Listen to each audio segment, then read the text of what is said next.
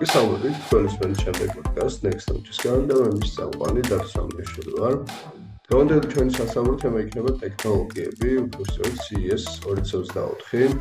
აა ვისაუბროთ იმაზე თუ რა გავიგეთ ახალი, რა იყო მნიშვნელოვანი ამ ღონისძიებაზე.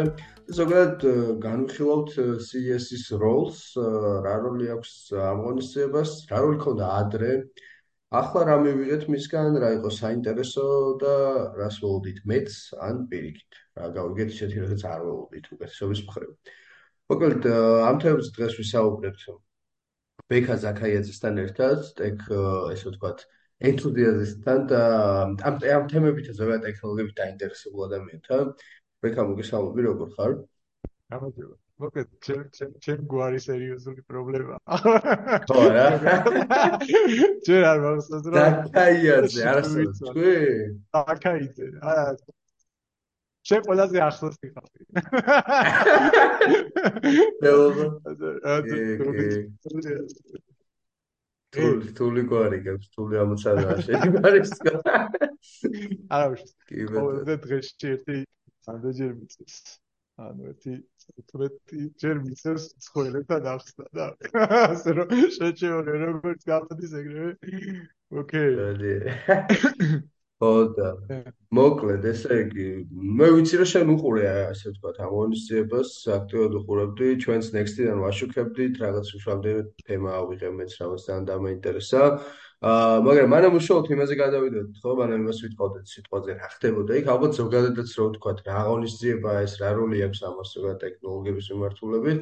რატომ ელოდება ხოლმე ხალხი? ვინც ელოდება საერთოდ ამას და რა მიგვიღია რა ზოგადად რა გვიგია ახალი რაღაცეები და რა ხდენილა ან რას არ გაუმართლებ. მოკლედ დაახლოებით მოვიხილო და მე უშუალოდ უკვე 24-ის ღონისძიებაზე გადავიდეთ.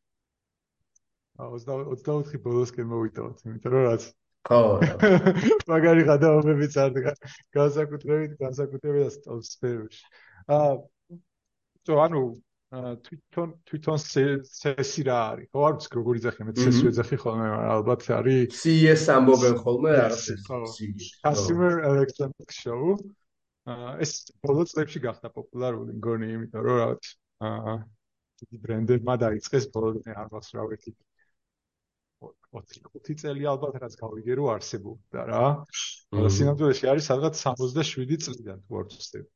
ანუ ძალიან ძალიან დიდი ისტორია მოკლედ და აა იყო ნიუ-იორკში. მე ხა ლას ვეგასში დადება ხო და. აა იდეაში ეს არის პლატფორმა, დრო და ადგილი და სივრცე, სადაც ყველა ცდილობს რომ რაღაცით იმარიანოს რა. ჩემს ძალიან კარგი რაღაცა არის, ანუ საგამოფენაზე, ბევრი გამოფენაზე ყოფილა, რა, ბევრი, ბევრი მიმართულებით და ალბათ ერთ-ერთი ყველაზე კარგი ესე რომ ვთქვათ, ადგილია ადამიანებმა რომ ვისაც რა სფერო მოგწონს და განსაკუთრებით ტექნოლოგიების სფერო რო ალბათ შენს რაღაცას ყველა ვარიანტი იპოვი. ასე გამოფენაზე და აა ამოყალიბდა რომ ბრენდებისთვის არის ადგილი სადაც შეუძლიათ რომ წარადგინონ რაც სიახლეები რა ეგ ზოგადად საერთოდ ოქე ანუ თუ არის ხოლმე მაგალითად რაღაც ივენთები ასეთ შეადარებდი რა და სიტყოდი რომ მაგალითად სკაუს მიმართულებით ტექ მიმართულებით რომელიც ეხა გირჩევნია სიტყვაზე არც გირჩევნია აი რაღაცა მაგხრივ როგორი როლი უჭირავს რა. ალბათ უფრო შევადარებდი რაღაც keynote-ებს რა, რაც აქვს ხოლმე ბრენდებს, მაგალითად არსებობს რამოდენიმე keynote-ი, რასაც მე ყოველთვის ველოდები ხოლმე რა.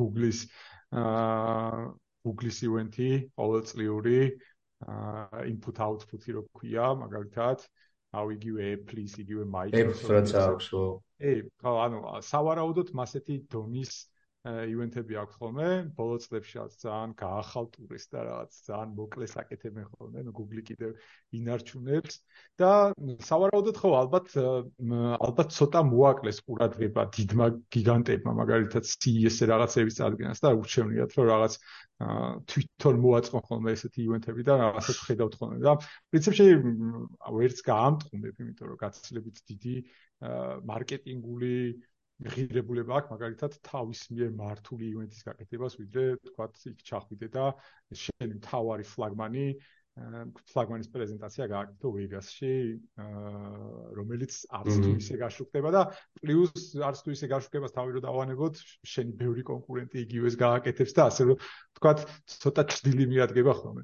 ამიტომ ჩემი აზრით CES-ი უფრო როგორ რაღაცას, იცი როგორი პროდუქტების წარდგენას გავს, რომლებიც დიდი ხანი არ არ არ ჩაიშვება ესე რომ თქვა გაყიდვაში მომხმარებლის ხელში დიდი ხანი არ არ მივა და უფრო დემონსტრაცია რაღაც ძალის და R&D-ს ანუ research and development გახრო sci-fi გამოდის ხო რაღაცა ცოტა ხო მაკეტკერულად წაიყვანო მე მე რომ მაგალითად არჩევანი მქონდეს და მე რომ მაგალითად ეგეთი ბრენდი ხო ყველა ვარიანტში რაღაც ისეთ პროდუქტს რომელიც ყველაზე უნდა დავლონჩო მანდ არ წავიღებდი ანუ ყველაფერს გავაკეთებდი რომ მაგალითად რაღაც ისეთი პროდუქტს ჩავიტანო რომელსაც რაღაც 5 წლის მერე ექნება თქვა მზის შუქის ნახვის შესაძლებლობა საერთოდ არ იქნება. ხო, ანუ იქ თუ ვაუს არ არ ათქმევინეთ მომხარებელს, ხო, რა ვიცი. ისეთი აზრი დიდი არ აქვს. მობილური ახალი მობილი ხა ბევრი ნახეთ, ხო, რაღაც მობილურები და რაღაცები ძირითადად ტელევიზორებს მიქონდა იქაურობა, მაგრამ რავი მობილური რო იქ ანახო რო ვიღაცა მაგალითად ვიღაც დაგიდგავს ფინალ მანქანას და მე ეძახი შენი სტენდთან მოყარებს რომ რაც ნახე რა მაგარი მობილური გავაკეთე რაც 256 მეგაპიქსელი კამერა. ხო და აქედა გამომდინარე მაგ კუთხით უფრო საინტერესოა რა. აა ანუ ისე რამე ისეთი ღონისძიება ეგეთი არ არის. აი უშუალოდ აი მოსაიფაო რო იყოს აი იმენად დაკავშირებული რო იყოს რომ მიდიხარ და აი მომავლის თემა არის ტექნოლოგიები და მან რო ეჯიბრებოდი ეგეთი კომპანიები რა ანუ შენ შენ რამდენი კომპანია წარმოგიდგენია მაგალითად რომ კონცეპტუალურ დონეზე რო იყოს იმის ტრაკი აქვს რომ ეგეთი რა საიფაი რაღაცები გამოაგდეს ხო? ანუ ჩემი აზრით რა 3-4 კონცეპტები რო იყოს მარტო რა აუცილებლად ხო არა რო ის იყოს რა ქვია ანუ ადრე შეთუ პროტოტიპი ქონდეს, კონცეპტი იყოს რამე, რო ვიცი რა. ნახე როგორი რაღაცა, აა სადღაც 60-იანებში ძალიან ბევრი ეგეთი ივენთები იყო, რა თუ ნახავდი მაგალითად აი მანქანებს და ყველა ცდილობდა ეგეთი რაღაცის გაკეთებას ერთი მარტივი მიზეზის გამო. ანუ ტექნოლოგიის დაკოპირება იყო ძალიან რთული, რა. ეხლა შენ წარმოვიდგინე მაგალითად, რომ ხარ რაღაცა სტარტაპი, რომელსაც მაგარი კონცეპტი გაქვს და გამოიტანე ვეგასში და რაც Amazon-მა ან რა ვიცი ისეთმა ტიპმა რომელიც რაც დღეში ხარჯავს 15 მილიარდს მარტო იმის გასაკეთებლად რა ქვია რაც ჩიპის დიზაინის ასაწყობად რომ იმას ანახეთ რომ რაღაცა ისეთი პოტენციურად მაგარი პროდუქტი გაქვს რომელიც მაგალითად ხვალზე ხვალზე კი არა შეიძლება 10 წლიანი პერსპექტივით გამოვშ ხო ჩემი აზრით დიდი რისკიც არის რა? ანუ ბევრი კომპანია ამას ხო თავის თავს მაგის უფლებას არ მისცემს აა განსაკუთრებით დღეს ხო? რავი რა უნდა ნახო ისეთი მაგალითად რომ ვერ დააკოპირო ხო? აი ხა ყველაზე გადაობა ხა 20-24-ზე რომ გადავალთ ერთ-ერთი ყველაზე საყვარელი პროდუქტ მაგრამ გაიმაჯვა TechCrunch-ზე.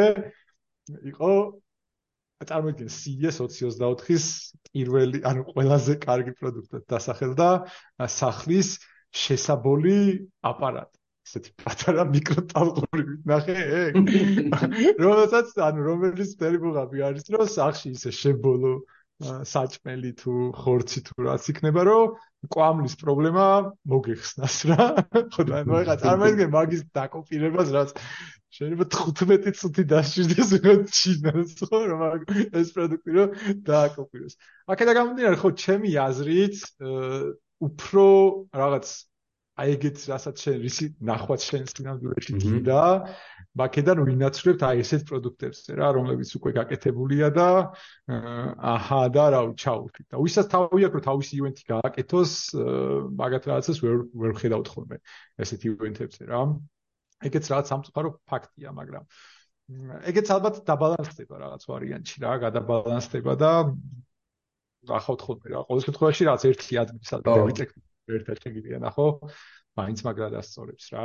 უბრალოდ აი ლოგისტიკურად რო აიღო აა ეხლა დაახლოებით წარმოდგენა მაქვს ერთი ჩაოლებრივი კომპანია მანდრო წახვიდე რა სირთულესთან არის დაკავშირებული. ანუ აი რო წარმოიდგინო ასე სოფლიო დონის იმენთ რო აკეთებ და ამდენი კომპანია ერთად რომ მოაყარო იმდენად რთულია რომ ну არ მაინც მაინც აშის დაკვრის ღირსები არიან ჩემი აზრით რასაც აკეთებენ და ზოგადად როგორც აკეთებენ ძალიან ძალიან რთული რაღაცაა ისე თუ დააკვირდი ხა კითხვი შენ რა რაღაც 10 წელიო რაც არის და მე რაღაც რამდენი წელიო აღმოაჩინე ხო? და თუ აკვირდები ისე რამეც სრულებებს მაგხრივ რა თუ ატყობ რამეს აი რაც აკვირდები გინდას მაგ პერიოდში რა რანაირად იცლება ეს მომენტულობა რა და რა რანაირად შეიძლება შეიცვალოს. და მე უკვე შეგვიძლია ალბათ უკვე გადავიდეთ რა უშუალოდ მე რა ხდებოდა 24 საათში ну მოკლედ 20-23-მა ყველაფერს დედაუტირა ხო ანუ ძირითადი ძირითადი თემა იყო ხოლმე რომ სულ ველოდებოდით რომ რაღაცა გამოჩნდებოდა AI ყველა CES-ი იწყებოდა და თავდებოდა ხოლმე რაღაც AI-სთან დაკავშირებით, ხო?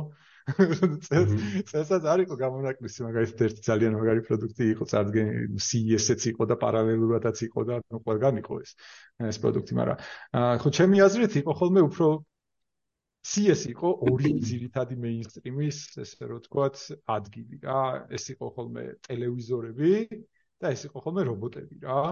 აა ნუ პირველი მეინსტრიმი მაინც შენარჩუნებული არის რა. შანსი არ არის რომ CES-ი რაც 10000-ობით ტელევიზორის ახალი მოდელის garaშე რომ ჩაიაროს, მაგრამ ხო, ჩემი აზრით ყველაზე ერთ-ერთი ყველაზე საინტერესო აი ადრე განსაკუთრებით იყო ხოლმე რაც გვიკვირდა რომ მაგალითად რავი ხმით რაღაცის გაკეთება იყო ხოლმე ვაუ ხო რაღაც რობოტი რომელიც რაღაც ორ სიტყვას გადააბავდა სამნაბის გადააბავდა ეგეც ვაუ იყო. ეხლა გაცილებით რთული გახდა რა ეხლა რომ ნახოთ მაგალითად რა რანაირი რობოტი უნდა განახო მაგალითად იქ ადგილზე რომ ას პირით ააყვან რა უნდა გააკეთოს რომელიმე ხელოვნურმა ინტელექტმა რომ პირით და ანუ გართულ და ეს ეს ამბავი რა და უფრო შეიძლება ითქვას რომ უფრო ნაკლებად ფან შეიძლება იყოს წლევანდელი წლისთვის, იმიტომ რომ იმდენად დიდი ტექნოლოგიური რევოლუცია მოხდა, რასაც ჩემი აზრით წესიერად ვერც კი ვათვიცნობიერებთ, ხო, რა მოხდა 2023-ში, როდესაც რაღაც ყველაც სუპერ ძალა შეფერდა. აა ნუ იმ AI ChatGPT-ს და სხვა ChatGPT-ს გამო გამო აა უძახი ამას. აქედან გამომდინარე, ხო, ალბათ უფრო მეც წვიდან წავდე უფრო მეც ვითხოვთ ხოლმე რა, აქედან. მაგრამ ნუ ყოველ შემთხვევაში რაღაცეები არის რომელიც მაინც ალბათ ფან არის რა აქვს რამდენად ჩამოაყალიბეს კითხვა ხო არა ესმის კი კი პარტნიორი რო გითხრა ძალიან ძალიან ადრე 5 წლის წინ მახსოვს რომ მაინც ძირითადად ადამიანები რაც მობილურ დივაისებს რაც სათამაშო რაც სხვადასხვა სათამაშო კონსოლებს ხო მაგალითად Sony-სგან და Xbox-ისგან განსხვავებულს ნახულობდით ხოლმე ესე რომ ვთქვა რა. ხო და ნუ გაცილებით რთული იქნება, მოკლედ შემდეგი წლები კიდევ უფრო რთული იქნება, რომ ტექნოლოგიაში რაღაც ისეთი ახალი სიტყვა თქვა, რომ ხალხმა ვაუ, ვაუ თქვას რა. თუმცა ძალიან ბევრ რაღაცაზე იყო რეალურად მე რას გადავხედე, ძალიან ბევრ პროდუქცია რა საუბარი და ძალიან ბევრ პროდუქცია წარდგენილი ხო. ყველა მიმართულებით მაგრამ გეიმინგით აწყებული რავი ან სახის ცხოვრება როგორია რავი. კი, აბსოლუტურად გეთახმები, უბრალოდ ანუ აი აქედან ჩვენ რასაც ვაკვირდებით, ხო, ეხლა ჩვენ მივიღეთ ინფორმაციას საიდან სოციალური ქსელებიდან, ხო, TikTok-იდან, YouTube-იდან, ხო? ისეთი პატარა პროდუქტები, რომელიც სინამდვილეში მართლა consumer electronics არის და განსხვავდება სიტყვაზე ვიძახი, აი ჩვენი წარმოსახვიდან, რომ ეს უნდა იყოს ან რობოტი, ან AI, ან რაღაც განსაკუთრებულად განსხვავებული რაღაც პროდუქტი, სინამდვილეში არ შუქდება ხოლმე, რა? ანუ აა წარმოიდგინე 10000ობით ახალი პროდუქტია, ხო? ანუ ამ თუ იქ არ ახარ, ძალიან რთულია რომ ეს ინფორმაციები წამოიღო და ეს ინფორმაცია რომელსაც შენ ინფლუენსერებიდან თუნდაც ესეთი გიგანტ ტექ საიტებიდან ვიგებთ ხოლმე, არის ის რაღაც რაც მათი აზრით უფრო მნიშვნელოვანია ვიდრე სხვა პატარ-პატარა რაღაცები. ასე რომ ხო, ალბათ ჩვენს იმას რა ქვია, თვალთახედვას ბევრი ისეთი პროდუქტი გამორჩება, რომელიც მართლა ფან არის და მართლა საინტერესოა და ხო, მართლა მნიშვნელოვანია და მართლა განსხვავდება იმ რაღაც стереოტიპისგან, რომ აუცილებლად ეს ყველაფერი უნდა დაფრინავდეს და უნდა იყოს რობოტი და რაღაც, იმიტომ ბოლო ბოლო ბოლო არის რა consumer electronics show და არ არის სიტყვაზე ვიზახი რაღაც კომპიუტერის ან AI-ის ან რაღაც მსგავსზე მურგებული მარტო შოუ, ხო? აქედან გამომდინარე, ეგ არის ცუდი რა, როდესაც აქედან ვაკვირდებით, ბევრ პროდუქტს ვაზავთ, რომელიც შეიძლება მართლა საინტერესო იყოს და მართლა გარდამტეხი იყოს. ეხლა დარწმუნებული ვარ, აი ბევრი ბევრი ძალიან ღრმად რო ჩავიდეთ, იყო წარდგენილი ბევრი ძალიან კარგი სენსორი. აა იგივე რაღაც smart სახლისთვის ან არ ვიცი უსაფრთხოების კუთხით, გაჟონვების კუთხით, რაღაც ახალი ახალი საერთოდ ახალი IoT device-ები იყო წარდგენილი, რომელსაც, რავი, აი ეს გააკვირით თუ ახსენა, თქვათ, რომელიმე მედიამ რო ინფორმაცია ჩვენამდე მოეღწია რა, იმიტომ რომ აი ძართულია, მოკლედ ეს ჩატიო რაღაც რამოდენიმე წუთიან ვიდეოში მთელი CES, რა. ხო და აქედან გამომდინარე, აი ამ event-ის ბოლომდე შეგრძნება თუ გინდა დიდათ აზრი არა აქვს ეს მიმოხილები და რაღაცები ნახო რა იქ უნდა ჩახვიდე და ზუსტად მაგისტვის არის ეს ივენთი რომ იქ ჩახვიდე და რაღაცა პატარ-პატარა რაღაც ისეთები ნახო რომელსაც მართლა ცოტა განსხვავებულია და რაც consumer electronics-ია ბოლო-ბოლო რა ო, იმიტომ რომ იქ იყო ახლა რაღაცები, მაგალითად, რაც მე იდეაში თვალში მომხვდა, რაც მედიამ გააშუქა რა, მაგრამ ეგ ტექნოლოგია იდეაში აქამდეც ჩვენ თქმის არ იყოს, იყო რაღაც CS-ი 2022-ში და უფრო ადრეც მინახავს რა და ზოგადად ეგ ტექნოლოგიები, მაგალითად ხა ეს ჭკვიანი ის რო არის, რა ქვია, ბალიში ერთ-ერთი, რომელიც რაღაც დიდი ყურადღება მიექცა, მაგრამ ნუ ეს ჭკვიანი ბალიში გასაგებია, საინტერესოა რაღაც ხრინვას რო იმაშობა რა, ნუ ხრინვას მიხავდი და მე ფორმას გიცლის და რაღაც რა და ზუსტად ამ ტექნოლოგიებზე იყო აშკარად მახსოვს, რომ წინა წლებშიც იყო და ანუ ხო, აი თვითონ მაგ დროს ვერ ხვდები ხა რა რა რატომ ხდება ეხა ისე ვიდეოზე აქცენტის გაკეთება, როდესაც ყველაზე იყო ორი წლის წინ და ერთი წლის წინ ზუსტად ამ ტექნოლოგიაზე ხო შევა წარმოებელი სხვა არის, არის წარმოდგენი სხვა არის, ხო მაგრამ ნუ ფუნქციურ დონეზე დიდი განსხვავებას ვერ ხედავ ფაქტია რა. თუმცა იყო რაღაცები ხალხო ძალიან საინტერესო რაღაცები, ხო, რაც მაინც მოგხვდა ყველაზე მეტად თვალში. კი, კი, რამოდენიმე პროდუქტი იყო, რაც ჩემი აზრით მართლა ძალიან მაგარია. გადავიდეთ, ხო, ალბათ 20-20. კი, კი, კი. შენთვის რა იყო, ალბათ ყველაზე ყველაზე ის რა მოგეწია. არის მე ძალიან მომწონს ხო შეიძლება რობოტი. ერთი ეს არა ქვია მზარეული რობოტები არის თუ ნახე შენ. კი კი კი ხო მე კუკერიო ჩაშვებულია ბაზარში ძალიან მაგარი ტიპია რა. ზუსტად 100-ზე მეტი საჭმელი აქვს უკეთებს გაკეთებული რა წარმოიდგინე.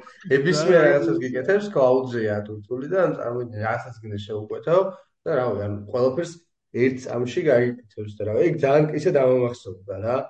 რომ თან თვითონ რეცხავს მე ჭურჭელსაც თვითონ რეცხავს წარმოიდგინე და გემოებს ურევს იქ და რავი ანუ ეგეთ ტიპი რო ყავდეს სახში ახლა იდეაში ძალიან რაღაცა შეცვლიდა რა. ეგ უცებ ახლა უცებ გამახსენე.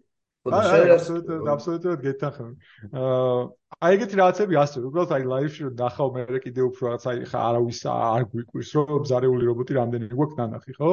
მაგრამ ყველა წარმოებელს და ყველა იმას ნუ ანუ ის მისია არ არის CES-ის რომ აუცილებლად რაღაც ახალი უნდა წარადგინო და არ გაგუფება რომ თქვა ძველ ძველი რაღაცა არ გამოიტანო ეს უბრალოდ ხალხის ინტერესია რომ რაც უფრო ახალია რაღაც რაც უფრო ინოვაციურია შენ უფრო მაგრად გაშუქდები და ბევრი ადამიანი ნახავს ამ შეფულს შეიგრძნეს და რაღაც პოტენციურ მომხმარებელამდე ინფორმაციას მიიტან.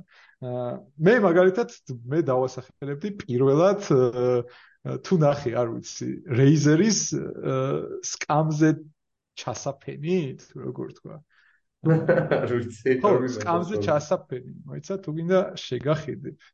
ეს კი, აბა შეგვიძლია. თუ თუ დამაშიარებინებ, დამაშიარებინებ. შეარის უფლება მომეცი და გეტყვი. ჩემი აზრით აი ესეთი რაღაც არის, რაც ძალიან ძალიან მაგრად იმას იზოს რა ქვია. ნუ იმას იმას იმას არ ვახსენებ თქვათ, რომ აა კიდე იყო რამოდენიმე რაც ვარიანტი. ო, ეს რა არის? აი ეს არ მინახავს.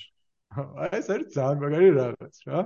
ეს არის ჰეპტიკური, ქართულად როგორ არ ვიცი, HD haptic gaming cushion-ი, არა. აჰა. ჰეპტიკურს ეძახით ჩვენს. ჰეპტიკურ. ხო, იდეა რა არის? იდეა არის რომ ამას დააფენ და სხვადასხვა შეგრძნებებს გაძლევს რა, ან გირწყავს, ან ეხა ზუსტად ზუსტად არ მახსოვს როგორ მუშაობს, მაგრამ დაახლოებით ეგ ვარიანტია, რომ შეგრძნებები გქონდეს კამიდან.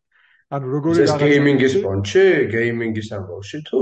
ხო, ზირთად გეიმინგში გამოგადგება, ჩემი აზრით იგივე შეიძლება რომ მაგალითად იმას აქნა უიარის შემთხვევაში ან ფილმის ნახვისას ან რაღაც ეგეთ ვარიანტშიც დააკეთო, მაგრამ შენ თუ შენ თუ გახსოვს ეს არის ძალიან კარგი ალტერნატივა, ხალხი იყენებდა საბუფერს აყენებდა ხოლმე თუ გახსოვს სკამთან. და საბუფერზე სხვადასხვა ჰერცების მიხედვით თქვა თამაშიდან იღებდა რაღაც ისე ტალღებს რომ ეს შეგრძნება ქონოდა რა ხო და აი ამის რაღაც ალტერნატიული ვარიანტია, რომელსაც კანონზე დაადებ და წარმოიდგინეთ თქო API-ით ყველაფრით რის რა მაგარი რაღაცების შეგრძნება შეიძლება მიიღო რა შუთერიდან დაწყებული. ну შუთერსო თავი დავანებოთ რაღაც რავი სიმულატორით დამთავრებული ძალიან მაგარი რაღაც იქნება და ანუ აი ესეთ რაღაც მართლა არ მინახავს და ძალიან ისეთი რეიზერი არ არის ცუდი ბრენდი, ძალიან საინტერესო. ისე აი, აქამდე ეს როგორ არ ყოფილა, ეს ეხა იგამიშ. იქნებოდა, იქნებოდა, ჩვენ ჩვენ ამას ვეძახდით, თუ გახსოვს რაც 4D და 6D კინოთეატრებს და რაც ვარიანტებს. ვეძახთ უბრალოდ რაც სახლამდე რომ მოიტანო რაღაც პროდუქტი ხო ზოგადად ძალიან რთულია ხოლმე რომ იმას აკეთო რა, თორე ხა მაგალითად რაღაც ბევრი ამის ალტერნატივა არსებობს რა. ძირითადად DIY პროექტები უფრო პროექტები უფრო არის ხოლმე რომ ხალხი თვითონ იწყობს მაგალითად რაც ასწავლებს აკეთებენ ხოლმე მაგრამ ესე consumer grade პროდუქტი მე არ ვახსენდება მართალი რო გითხრა რა თუ არ ჩავთვლით რომ რაღაც subwoofers თუ არ დავაყენებთ მართლა და ხელით თუ არ გაუწერთ რომ რა შემთხვევაში რა გააკეთოს რა ხო და მეორე კარგი ის არის რომ როდესაც Razer-ი აკეთებს ესეთ პროდუქტს აუცილებლად რაღაც სხვადასხვა თამაშები მისცემენ მაგას ხარდაჭერას. და რაც თავარია ნახე, აი რო შეხედო, ეს ძალიან სკამი არ არის. ხო? ჩანს, ხო? ეს არის სკამში ჩასაგები. ხა?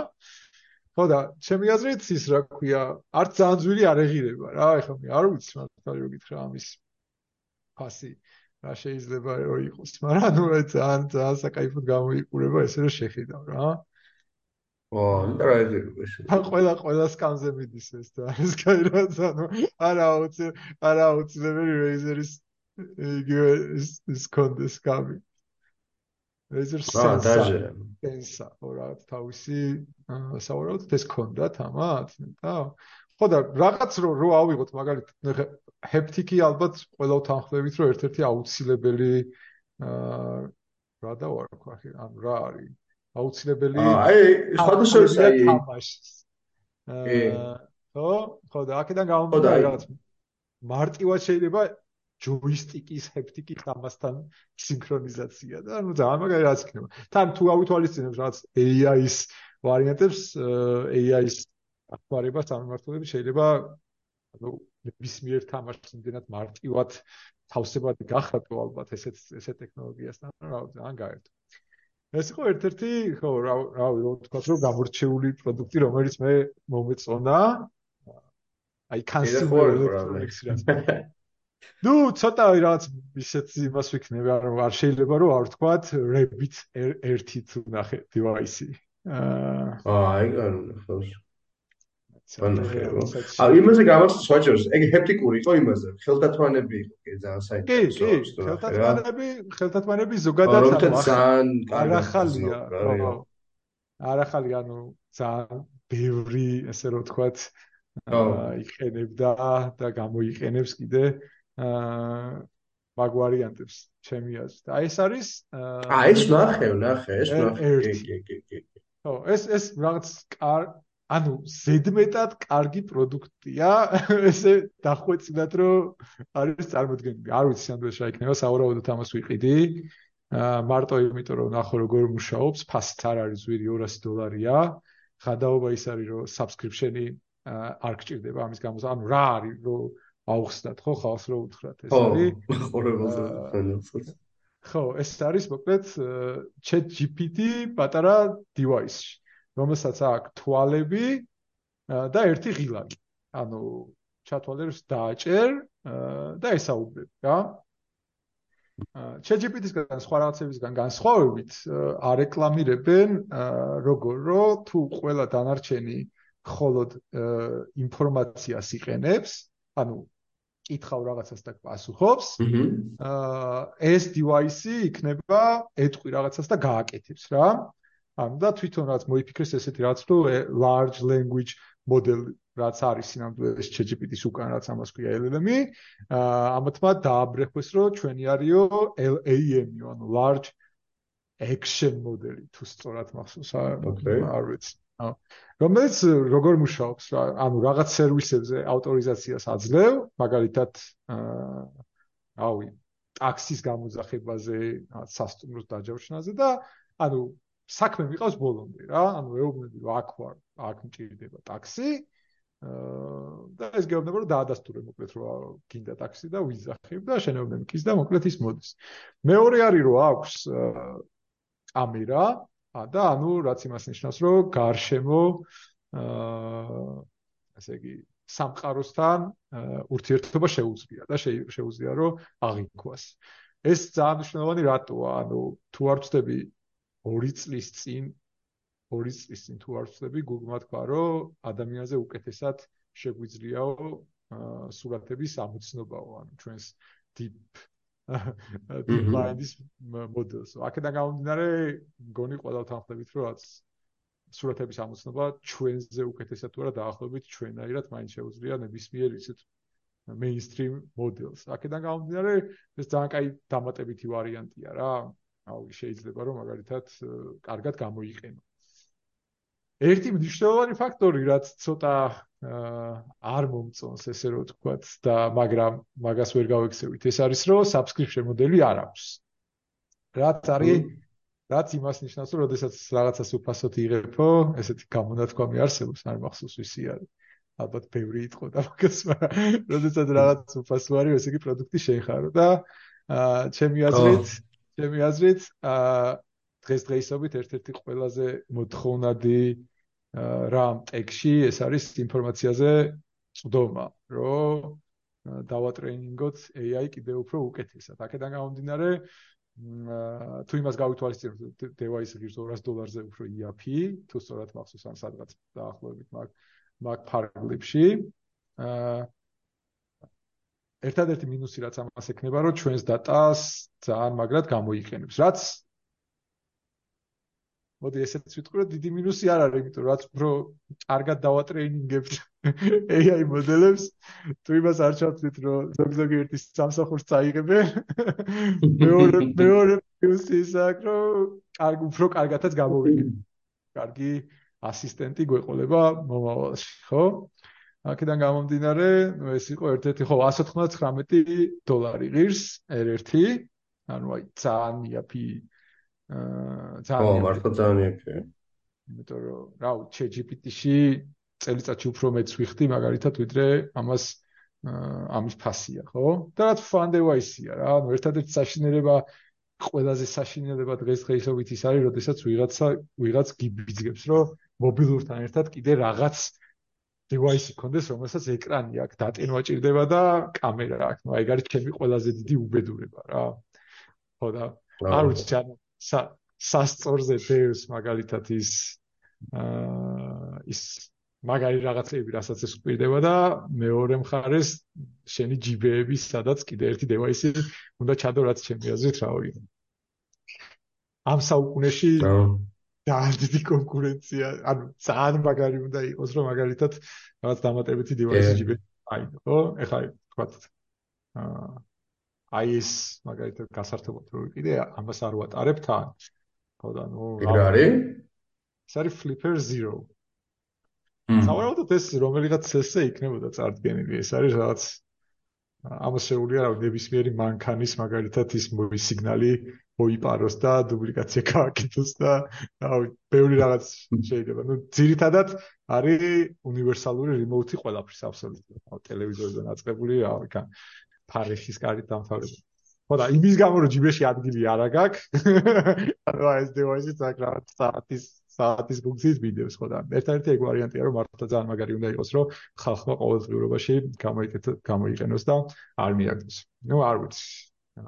ისე ChatGPT-ს ემოზე ვსაუბრობთ ზოგადად ციფრულ ასისტენტზე რა. მაგას როგორ როგორ უყურებ? მე წარმოვიდგენია რომ მომავალი რეალურად უნდა იყოს რომ მართლა თავიდან ბოლომდე რომ შენ დივანი რო არის რა, აი ყველაფერს უგიგვარებს რა რაღაც დონეზე, მართლა რაღაც თითქმის ეგეთ დონეზე განვითარდება ხო? აა ნახე როგორი რაღაცაცადი რა. მე მაგალითად მირჩევნია რომ აა მეილებს უპასუხოს ვიდრე ტაქსი გამომიძახოს რა. სიტყვაზე ვიდრე. თუ ორივე სიზამს? თუ ორივე სიზამს ხო ძალიან კარგია. აა მაგრამ ჩემი აზრით მაგას ანუ ჩემი აზრით შეუულია მაგის გაკეთება რა. უბრალოდ არც ერთი კომპანია Microsoft-ის გარდა, რომელიც ჩემი აზრით ზუსტად მაგას გვტენის, აა არ შეიტენის ესე რომ ვთქვა, ზედმეტ რისკს რა. ანუ ის რომ მაგალითად შენ ტაქსი გამოიძახო, აა ნიშნავს რომ შენ ფინანსებზე რაღაც ვარიანტში წომა უნდა მისცე. აა ჩემი აზრით, ჩვეულებრივად შეუძლია მაგის გაკეთება ChatGPT-ს ამ წამს. იგივე სასტუმროს დაჯავშნის ვარიანტში მაგალითად უბრალოდ. სხვა პრიორიტეტები უფრო არის და მაინც იყენებდა. მოკლედ ესე რომ ვთქვათ ადგილი არის დარჩენილი რომელიც ვთქვათ ჯერ ფიქრობენ რომ არც ისე მნიშვნელოვანია შენთვის. ანუ შენ მაგალითად არ იტყვი უარს ChatGPT-ზე იმის გამო რომ თქვა არ შეუძლია ეს ექშენი დაასრულოს რა და ზუსტად მაგიტომაც თქვა გაჩნდა ეს Rabbit R1 ცალკე device რომელიც ძალიან არ გამიკვირდება რომ რომელიმე ესეთი დიდი LLM-ის LLM-ი იყოს უკან დამალული და ფეიქერი იყოს თქვა და ამ სტარტაპის იმიტომ რომ რაღაც ძალიან ძალიან ისე მასიურად შემოვარდა ბაზარზე ხო და აქედა გამოდიან მაგას ძალიან მალე ვნახავთ. ანუ დიდი დიდი დრო არ არის დარჩენილი რომ თქვა ესეთი ექშენები ამათ დაასრულოს რა. მაგრამ ხო ნუ აუ მე მე უფრო აი ბევრს ხო რაღაცა ის არის ხო რა ის რო არის ჰერო არის ფილმი ხო ის ფოკინ ფენიქსი თამაშობს. ხო ანუ აი თითქოს ბევრს რაღაცა ეგრე წარმოუდგენია ხოლმე რა ამ ამ მიმართულებით IA-ის გამონტარება და უფრო არადა ძალიან საქმიანი მithყურებ ამას რა რომ მართლა ეგეთ დონეზე რო აგვარებს შენ იმას რა ანუ ინდას მეილზე პასუხი იქნება ეგ თუ რაღაცა არვინე ტიპი ყავს რომელიც ან ეგეთ კიდეც რუტინულ თან ისეთ საქმეს ძალიან მარტივად სულში შენ ძალიან კარგად გიცნობს იცის ყველაფერი და მაგას ძალიან მარტივად რო აღვარებს და ეგ მართლა ისეთი რაღაცაა რომელიც მგონია რომ ძალიან მალე იდეაში ყოველდღიურად უნდა იქცეს ალბათ რა კი რა დღეები დღეები ჩემი აზრით უბრალოდ დღეები არის დარჩენილი მაგალითად რა. ანუ აი ახლა მაგას შეუძლია ინტეგრირება ნებისმიერ ტექნოლოგიაში. მაგას ვიძახი ანუ შეიძლება ერთ დღეს გავიღვიძოთ და აღმოჩნდეს რომ ეგეთი რაღაცების გაკეთება ძალიან მარტივად არის შესაძლებელი და არა მხოლოდ იგი მაგრაც გაკეთება რა ანუ გაცილებით რთული ტასკების გაკეთება შეუძლია ხო? პროგნოზი არის რომ 2029-ისთვის აა ნებისმიერი საშუალო და პატარა ბიზნესის სრულად მართვა შეიძლება მაგალითად ასეთ რომელიღაც ასეთ მოდელს. აა და ჩვენ კიდე რაღაც ჩვენ კიდე რაღაც აი ბიზნესის მართვა შეიძლება აი ცოტა აი ცოტა კარგად აღნიშნოს მაგრამ კითხეთ ცი როგორ გააჩნია. იმიტომ იმიტომ იმიტომ არ გესმის რომ ბიზნეს გააჩნია. ჩვენ უყურებთ რაღაც მაგალითად როდესაც რაღაცას ვიტყვით ხოლმე წარმოგვიდგენია რომ დიდი კომპანია 10 10000 კაცით და რაღაც რომ ამასო თავი დავანებოთ. და მაგალითად რო ავიღოთ დროპშიპინგის რამე მოდელი რომლის მთავარი ამოცანაა რომ იპოვოს რაღაც პროდუქტი რომელიც კარგად იყიდება და დადოს თავის საიტზე და უბრალოდ უბრალოდ ორდერი მიიღოს და სვადიდან მიაწოდოს. და ამ დროპ დროპ შიპინგზე მოდის რა ვიცი შეიძლება e-commerce-ი შეიძლება ნახევარზე მეტი ხო? არ ვიცი.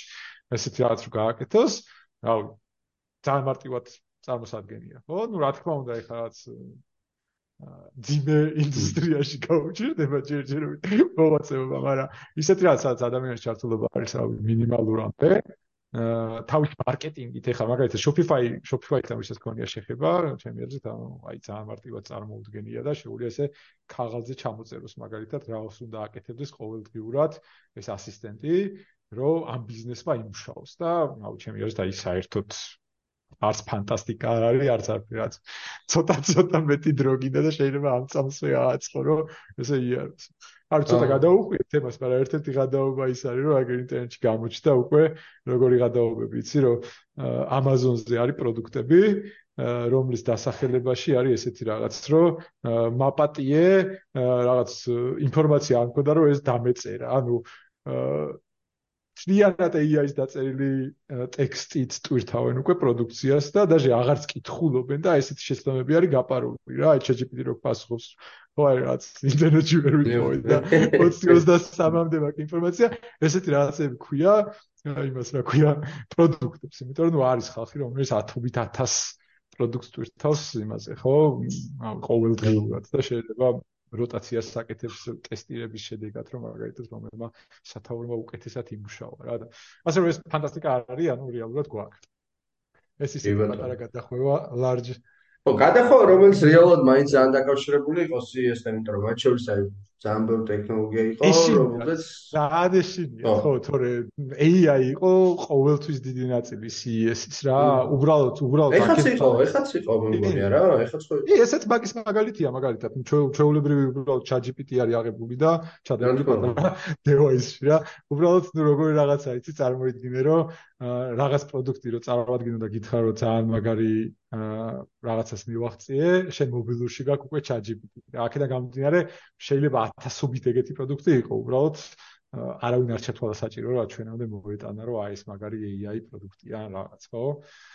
აქედან გამომდინარე დაახლოებით აი ავტომობილებზე იყო, ხა არ ვიცი თუ ნახე, ანუ ნახავდი, ხო, იქ აი ბოლომდე ინტეგრირებული ისინი რო აქვს სიტყვაზე ეს ChatGPT Volkswagen-ს ხო და მეგონი რომ წარადგინა რა სწორად მახსოვს. კი მაგრამ აი როგორი რაღაც არის იცი აი აი რო შეგიკიტინებს ბაზარი და რო ჩა ჩატენი აი რა ეგეთი სტავეჭი ეგეთი სტავეჭიება დავრჩა რა მართალი რო გითხრა რა იმიტომ რომ კი გვექნება კი იქნება მაგრამ ანუ არაფერი ისეთი რაც ვაუ არისო რა რა წარმოიდგინე ანუ მანქანაში AI რო ჩემი მანქანა რომელ წლიანი იყო 2008-იანი X5 მყავდა რომელსაც ხმით მართვა შეეძლო ანუ ხმით შეეძლო დაერეკა ადგილზე ანუ ნავიგაციაში ადგილი ეპოვა და კიდე რაღაც რაღაცებს აკეთებდა. წარმოიდგინე 2008-იანი მანქანა, რაც ელემენტარული სიტყვები ესმოდა, რა, ჩემი ინგლისურიც კი ესმოდა, წარმოიდგინე რა. მანქანა. აკეთა გამომდინარე, აი, რა უნდა, რა უნდა მანახოს ისეთი, რომ რაღაც თქვა, რომ აუ თურმე AI როგორი ის ყოფილა, ხო? ანუ მან AI ისეთ ადგილზე მუშაობს, რომელიც თქვა კონსიუმერისთვის ესე არ ჩანს რა, ეს არის self-driving-ი ხო თავიდან ბოლომდე რაღაც არ ვიცი რამდენად დიდა ძნელად მოსაგვარებელი პრობლემაა. ხო, ნახავთ, მაგრამ ნუ აი დაარჩენი მანქანები რაც ნახე არის ისეთი ეფექტი არ მოხდენია. თუ არ ჩავთვლით ერთ ძალიან ძალიან მაგარ მანქანას. ნახე? რომელია? აფილა. ძალიან. აფილა იყო იყო რა არის მანქანა მოიცა როგორ განახო. ისე დავაშია ცდა. ახოთ იმიტომ რომ ხო ჩემი აზრით ერთ-ერთი ყველაზე ანუ ალბათ მეორე ადგილზე, ხო ალბათ მეორე ადგილზე უფრო ეს. ხო, ნახე, კი, კი, ვასტები იჯდა კიდევაც მე ერთ-ერთ ვიდეოში. კი, მოიცადე უფრო კარგი იქნება რომ Fortnite-თან ერთად ნახოთ ეს მანქანა. ანუ ეს ეს არის ძალიან გადაობა, ანუ წინა რა ქვია მას წინა მხარეს აი ეს რული როდის შემოვარიოთ ესეთი? სულ ძალიან მომავლის მაგრამ სულ ესეთი რულები აქვს და სად არის თუ არის და მე ჯერ არ ჩავშდევარ ეგრე როგორ რაღაცა იცი ძალიან ეგეცაა ჩემს პრობლემა ანუ ერთ-ერთი პირველი ესეთი რული ქონდა აა რა ქვია იმას? ფორმულა 1-ს აქვს ხო? დაახლოებით ესეთი რული. ანუ აქვს სანასწირდე ხო. ძირითადი პლუსი ამ რულის არის რა, რომ წინ არ გიშლის ხედვაში, რა. ხო, და იქ მონიტორი გაქვს, ხო, ალბათ მაგონში. ხო, მონიტორიც გაქვს და შესაბამისად ხედვაში არ გიშლის ხელს. და რაღაც რო დაფიქრდებით, რომ ძალიან კომფორტულია. თუმცა ერთ ძალიან საინტერესო რაღაც არის, რომ ეს რული გააკეთა Tesla.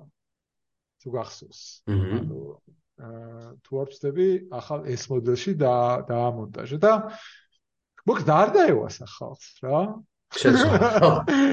ანუ არ ვიცი შეცვალა თუ არა მაგრამ ფიდბექი იყო ძალიან ცივი ერთი არა პრაქტიკული ხო არ არის რეალურად ხო და ერთადერთი ხო და აი ერთადერთი ეხლა ნახე რა ვიფიქრე მე რა Cybertruck-თან ერთად ძალიან მაგრად დაარეკლამა Tesla ერთი ფუნქცია რომელიც ჩემ 2000 რომელიც წლიანი BMW იყო აა გონი ისიც 2008-იანი იყო, სადღაც მან რომელსაც ქონდა. ეს იყო active steering. თუ იცი რა, active steering არის რომ აა ესე იგი თლიან ბრუნს მანქანა აკეთებს აა ნახევარ გადატრიალებაში. ანუ ნახევარ გადატრიალებაზე მეტი არ გაქვს მანქანაში რა. და ხო, ესეთი რაღაც არის. და მაღალ სიჩქარეზე, ну ეს რო მაგრდება რული ხო და უფრო, ანუ მართო არის ძალიან მაგარი. და ადგილზე მოbrunება არის, რომ აი თუ სხვა მანქანიდან გადმოხვალ, ცა რამოდენიმე დღე ძალიან სხვანაირი შეგრძნება, მაგრამ იმდენად ეჩვევი, რომ მე სხვა მანქანაზე რო ჯდები, სერიოზული პრობლემები გაქვს. აი ამ ფუნქციას არეკლამირებდა წელს რა, Cybertruck-ის გამოშვებასთან ერთად თქვა, რომ აი ჩვენ მოკლედ რაღაც ესეთი ახალი სტილინგი გვაქვს, სადაც ეს ოდნავ გადატრიალებით მეტი არ გჭირდება. აი ამის გამო ზუსტად არ მაქვს ეგ ინფორმაცია აღარ მომიძებნია, შეიძლება ეს ფუნქცია არ ქონდა, ეს ფუნქცია ის ამ ფუნქციის გარეშე შეიძლება ეს სული არის ძალიან ცუდი მოსახმარე, როდესაც გჭირდება თუნდაც ერთი მთლიანი ბრუნვის გაკეთა. შეიძლება. ზუსტად არ ვიცი, მაგრამ ვიზუალურად ერთად მაგარია რომ მე მაინც მე მაინც ამას ავირჩევდი ალბათ დეფოლტად ვიზუალურად მაგარია ორი აზრია ძალიან კარგი. ეს ვარიანტი იყოს. მეორე პლუსი ხდა აი ამ მანქანას რასაც უყურებთ Sony-ს ნუ სინამდვილეში Sony-ს მანქანა სინამდვილეში უფრო Honda არის. იმიტომ რომ Sony-ს და Honda-ს რაღაც ერთობლივი ერთობლივი მან ერთობლივი მანქანა არის. 2026-ში დაელუნჩება თუ სწორად მახსოვს. აა და PlayStation-ის PlayStation-ის ჯოისტიკით აუ ზუსტად არ მახსოვს იმართება თუ არ გონი იმართება კიდევაც. ეს მანქანა იმართება PlayStation-ის ჯოისტიკით თუ აა მოდი ვნახოთ რა აა და როგორ? ანალოგიებით ატარებ არ ამგონია რომ რთული იყოს მაგრამ ერთი წამით აი უჭირავს ხოლმე არა უჭირავს რა შიგნით თამაში შიგნით თამაში შეგიძლია აი შიგნით თამაშობს ხო ეგია როლსონ სტეიჯ არა გამოიყვანა. კი კი კი კი სწორად მახსოვს არა ისე ეჭირა რომ თვითონ გამოყავდა გარეთ ეს იუზ კი dual sense-ის მონიტორით გამოიყვანა ბატონმა იზუმი, როგორ იკითხება ამის სახელი ალბათ იზუმი. ეს მანქანა, ხო. ნუ CS-ე ამითი არავის არ ატარებინ ეს მანქანა და ნუ ყველა იმას იცოდა რომ თამაში შეგიძლია, მაგრამ თამაში იდეაში ტესლაში შეგეძლო თამაშების ამ ჯოისტიკით ჯოისტიკით. მაგრამ ხო ნუ ეს არ ვიცი რამდენად რამდენად მნიშვნელოვანი აა ფიჩერი. ნუ ამით ალბათ როგორი რაღაც იქნება ხოლმე აი გაჩერება გაჩერებული რო ყავს და რომ უნდა გადააყენო ან რაღაცა უცებ არ გარის არ ამგონია არ ამგონია რომ გარის რა ჩემი აზრით ჩემი აზრით გაცილებით პრაქტიკულია აი მასში რა თქმა უნდა თონი რა თქვა ხო იცი ესო ერთი ერთ ერთხელ დაჭერა საკმარისი მე არ ვეთახმები მამაჩემს რომ რაღაც ისეთი იარაღია საჭირო რომ თან გასროლა არ გჭირდება რაღაც ერთხელ გასროლა უნდა კვარა ერთხელ გასროლა უნდა იყოს საკმარისი. მე მგონია რომ როდესაც პარკინგიან გამოყვალა კიდე უბრალოდ უნდა დააჭირო და გამოვიდეს ვიდრე ჯოისტიკით რაღაცა სიურსული შარტ ანუ ლოგიკურია. უნდასო იყო ძალიან ძალიან დიდი სტრესი და არასასიამოვნო მომენტი იქნება რომ ეს მანქანა ჯოისტიკი გამოიყაროს. და კი, ფანარი რაღაც მეგობრებთან რომ გაატარებ და ისიც ცუდე მათხოვე მეგავატარებ წარმოგიდგენ რა საშინელება არის, ხო? ხო და აქედან გამომდინარე არ ვიცი რამდენად კარგი ფუნქცია. ჩემი აზრით მაგარი იდეა არ არის. უბრალოდ რომ ანუ ჯოისტიკით რაღაც ტრანად უნდა გეჭიროს ხო ხელში მე მაგას განეცხადე ჯოისტიკით მოძრაობ ცოტა ის არის. ეს მანქანა რომ მე ყველა პირველი რასაც ვიზავ ჯოისტიკს დავმალავ ანუ მე გვერდში ვიცი რომ მანქანა და ჯოისტიკი ერთად არ მექნება არასოდეს რომ ვიღაცა ვიღაცა არ იმას არ ითამაშოს ხო და აქედან გამომდინარე არ ვიცი რამდენად. ნუ სამარიაჟოთ ალბათ კაია ხო. მე კიდე ერთი გადაობა ამას ის გქონდა რომ წინ აუ რა ქვია? აბლიცობას ქართულად რა ქვია? არ ვიცი. წინა არ ვიცი? წინა მხარეს აი სადაც ლოგო ჩანს ეგ ადგილი და უკან მხარე არის ეკრანი. სადაც შეგიძლია Fortnite-ის ფრაგები ამარიაჟო. ანუ ანუ ხომ რამდენი კილი გაქვს და ეს და პლუს რომ მივახსოვდები რა შეგიძლია რომ ამიდი ნახ მაგრამ სავარაუდოდ მონიტორი უკვე არავის აღარ გვიკვირს არს აა წინ იმაზე იქნება მონიტორი მაგას ხო? არის არის კი მონიტორი არის და საკმაოდ კაი გამოიყურება არ ვიცი სად არის. ხო ნუ მართავ იქ რა დაიწერება და რაც. იგივე მაგალითად ეს მონიტორი რავი ეს კლასში თუ აღწდები რამოდენიმე წლის წინ იყო დაახლოებით ამ ხელა არც ეგ არ გვიგვირს ხო? აა ნუ თამაშიც რავია ვაფშე საერთოდ აღარ გვიგვირს თქვა ბანკანაში ერთადერთი ხო ნიშნულოვანი რაც ამ ბანკანას ქონდა არის რომ მესამე დონის, ესე ითქმის, ხო, მესამე დონის ავტოპილოტი აქვს, რაც იმას ნიშნავს, რომ აა ხელების მოშორება შეიძლება საჭისგან და თვალების მოშორება შეიძლება. მოკლედ შეიძლება დაიძინო და რისი მოშორება არ შეიძლება. ანუ ხანდახან ხო, ანუ არ ვიცი. ხანდახან არის ხოლმე რომ სხვადასხვა დონის სხვა ზოგი არის რომ აა ხელი უნდა გეკიდოს რულზე მაგალითად. ხო.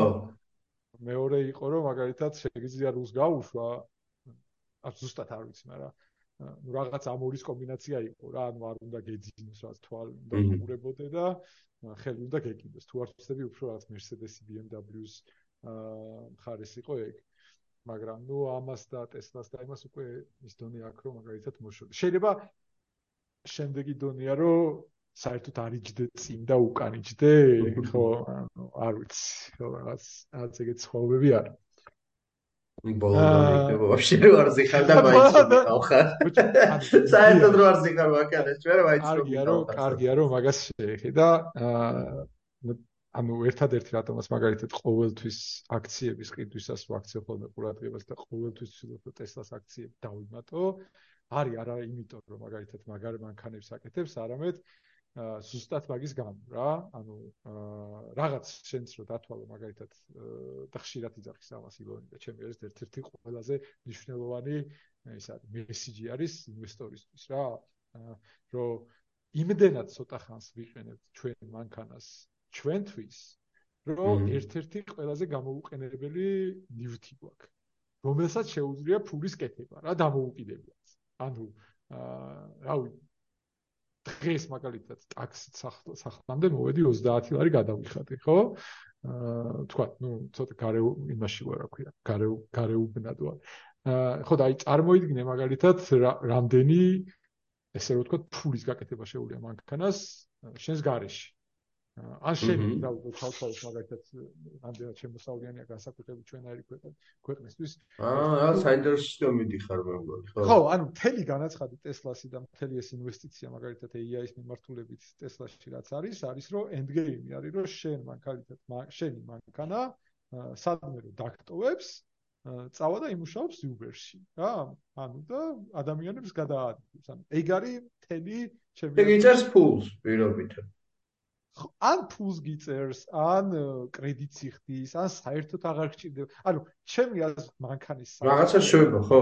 ხო, მანქანის საკუთრება არის ერთ-ერთი ყველაზე იდიოტური საკუთრება, ну, საქართველოს რაღაც სხვა level-ზეა, იმიტომ რომ ისე ისე გავიზარდეთ, რომ რაღაც მანქანა იყო ჩვენი end game, ხო? მანქანა თუ ყავდა და შემდგარი ადამიანი იყავი რა. ჩემი აზრით უბრალოდ გასართობები გვაქვს. დღესდღეისე იმდენი გასართობი გვაქვს, რომ აა როდესაც საჭესთან საჭესთან ვარ, მინიმ, ანუ ალტერნატიული დანახარჯი იმდენად დიდი გაქვს. აა ну თუ არ ჩავთვლით რა პოდკასტ მოусმენ და თქვა რაღაც ინფორმაციას მიიღებ, მაგრამ სხვა ანუ სხვა საათ ნახევარი რომ ანქანაში ხარ და 2 საათი რომ ანქანაში ხარ იმდენად დიდი ალტერნატიული დანახარჯი გაქვს რომ აი აღარ გინდა რა ეს მანქანა რა შაბათქვია წახვალ და იკატავებ. თქვა თუ თუ მანქანის კატაობა კატაობა შენი სიამოვნო. ხო? აქედან გამომდინარე ალბათ ჩვენ გადავაფასებთ ზოგადად საკუთრების ფორმას და თუ შემოვა ეგეთი რაღაც რომ მაგალითად რავი ეს ივლის მეორე საკითხია რომ ჩვენ ვაფშე ვიყოლებთ მანქანას თუ საერთოდ არ ვიყოლებთ რა ხო და აქედან გამომდინარე ხო ანუ ჩემი აა ხო ანუ რაღაცი გჭირდება შენი კერძო ავტომობილი თუ ეგრე დადიან ტიპები მანქანები ნახე მაგალითად მე რამოდენიმე ბოლტით რო გამომიძახებია ხოლმე რამოდენიმე ჯერ ისეთი მსხოლი მოვიდა ჩემთან და ისეთი კომფორტი შემიქნა რომ ანუ ჯერ ეს ერთი პრემიუმის garaშე აღარ ვიძახებ საერთოდ ტაქს და მეორე ერთი ანუ აი ეს დილით რო გავიგვიძებ ანუ ეგ ტიპი რო მელოდებოდეს და უბრალოდ არ მჭირდებოდეს მობილურიდან გამოძახება და ლოდინი არც კი შევადარებ მაგალითად ან მე კაი მანქანა არ მყავს ანუ რაღაც განსაკუთრებული ისეთი მანქანა არ ყავს რომ ძალიან დიციამონებას მაინჩებს ამ მანქანაში ყოფნა ხო?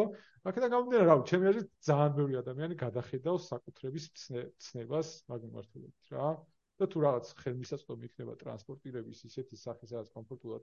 იული შენი ის აი მან მოდის მაგარი რაღაც რა ეს წარმოიდგინე რომ მე ვარ სხვა შორის მაგის კარგი მაგალითი. ანუ არანაირი სული არ მიშდება რომ მანქანა ოღონდ ვარ. არ გჭირდება და იმით. ხო ერთად არანაირი. ყავს იმიტომ რომ ფიზიკურად ვერ გავაკეთებ რაღაც ამოცანებს რომელიც მაგალითად ჩემს ცხოვრებას თან ახლავს. განსაკუთრებით რაც ვიკენდზე ქალაქარეთ თქვა თაში წასვლა და მაგალითად იმის გამო სადაც ცხოვრობ ფიზიკურად უფრო დიდი თავის ტყიულია ჩვენ ტაქს ვერ ვიძახებ მაგალითად აქ. სხვაგან თუ გამოვიცხადე გამოვიძახე მოდივარ მაგრამ რაღაც აი ესეთი ვარიანტია და მიწევს თორე სხვა არაფერი ჩემ მანქანა არ ჩვეულებრივ აი მე გეტყვი აი მაგალითად ხო. ჩემ მაგალითად რა ვიცი აი ჩემ მაგალითად შეხედო რა ძალიან თუ გამოსწორ შეხედე მე ვმუშაობ დისტანციურად წარმოიდგინე მე ვაკ ჩემსავს ხარ დისტანციური ანუ რაღაც პროექტებში ვარ მანდ ეს დისტანციურად ყველაფერში ვარ დისტანციური სახლიდან გასვლა ჩემთვის იმდენი დროის კარგვა რეალურად, იმიტომ რომ მithumetes თბილისში, ხო? უნდა მოხდეს აცოფში, გაიჭედო, ადა 2 საათი უბრალოდ რაღაცაში დავკარგო, ანუ ნერვოზი გეცემა უკვე რა. გადაჩვეული. შესაბამისად, ჩემთვის აი რაღაც ისეთი უნდა ხდებოდეს, რომ გაერთ გავიდე დღის არ მიწევს საერთოდ გასვლა. ეგ ერთი. მე თუ ვიკენდებზე გავდივარ, შენ ქალაქ გარეთ ახსნი, მე ქალაქ გარეთ იშვიათად უფრო აი სადმე შეიძლება ბარში გავიდე ვიკენდებზე რა, სადმე ისთან გასავდე, სადაც ну, ал დიდი ალბათობით არაფხიზელი ვიქნები, მანქანით მან ვერ წავა. ხო ხდება. სადმე გასეირნება თუ მინდა ახლოს ველოსიპედით გავდივარ სპეციალურად, რა. და ანუ აი შენ თვითონ იმას ხეხლა იმას, რა ქვია, მომავალს ავტომობილების. მაგას ვამბობ და არის მომენტები უბრალოდ ტაქსი მინდა, ზუსტად, აი უბრალოდ ან არაფხიზელი ვარ, ან რაღაც და ღამეა ტაქსი მჭირდება რომ მიმიყვანოს მომიყვანო. всё, ან საერთოდ ვერ ხედავ ფუნქციას მე რო თავი დაანებო. მაგასაც თავი დაანებო, ხო? არსებობს ერთი ძალიან ძალიან დიდი მნიშვნელოვანი მინუსები, რაც მანქანას აქვს. საერთოდ რო აუწო დაუწოთ მინუს პლუსები მანქანის, ხო? ოღონ არა მანქანის როგორც მაგალითად შენი, არამედ ზოგადად ადამიანი და ადამიანის საჭესთან რო აუხსენოთ, ხო? რა მინუსები და რა პლუსები აქვს, ჩემი აზრით, ანუ მინუსები გადა ცალსახად გადაფარავს პლუსებს. ჩემი აზრით, რა, აი განსაკუთრებით ჩვენაირი ადამიანებისთვის, ვისაც მაგალითად რაღაც კომფორტი და ალტერნატიული დანახარჯი გაცილებით მაღალია, ვიდრე თქვა ის კატაობა სამსახურიდან სახლამდე, ხო? რა ვიცი, ავიღოთ რა, ცალსახად AI უფრო უსაფრთხო იქნება ვიდრე ადამიანი. ანუ ეს რას გამოიწვევს, მოდი მარტივად თქვა რა. ეს გამოიწვევს შემდეგ რაღაცას, რომ ადამიანები უბრალოდ სხვა ადამიანებს აღარ ანდობენ თავისთვის მნიშვნელოვან ადამიანებს. რაც არის მაგალითად ბავშვი რა ჩვენს ბავშვობაში შენ ზოგადად გაგიგია რომ ის რაც ტაქს არ გააყოლო ბავშვი ანუ რაც. ანუ ეგეთ რაც ხო რა ტაქს ვინმეს რო გაიჩერე ვინმეს გაიჩერები და ბავშვი არა ყველაფერს გაატან ხო? ანუ დღეს დღეისობით ეხა ჩემი ცოლი როგორ როგორ იქცევა ხო? ანუ ბოლტის garaშე ვერ წარმოუდგენია საერთოდ რომ შეიძლება ბავშვი სადმე გაუშვას და საიდანვე მოვიდეს. რომ მობილურში არ უყუროს, რომ აი ამ წამს სად არის, რა? თან ბავშვზე მაგ 14 წლის ბიჭზე მაქვს და საუბარი, ხო? ეხლა წარმოიდგინე, ეხლა მეორე ვარიანტი გეტყვი, რავი, წარმოიდგინე რამდენად დიდი აი ვისაც სკოლაში ტაქსი დაყავს, რამხელა იმას რასაკი გამოძიებას აკეთებს მაგალითად ტაქსის შერჩევისას, რა?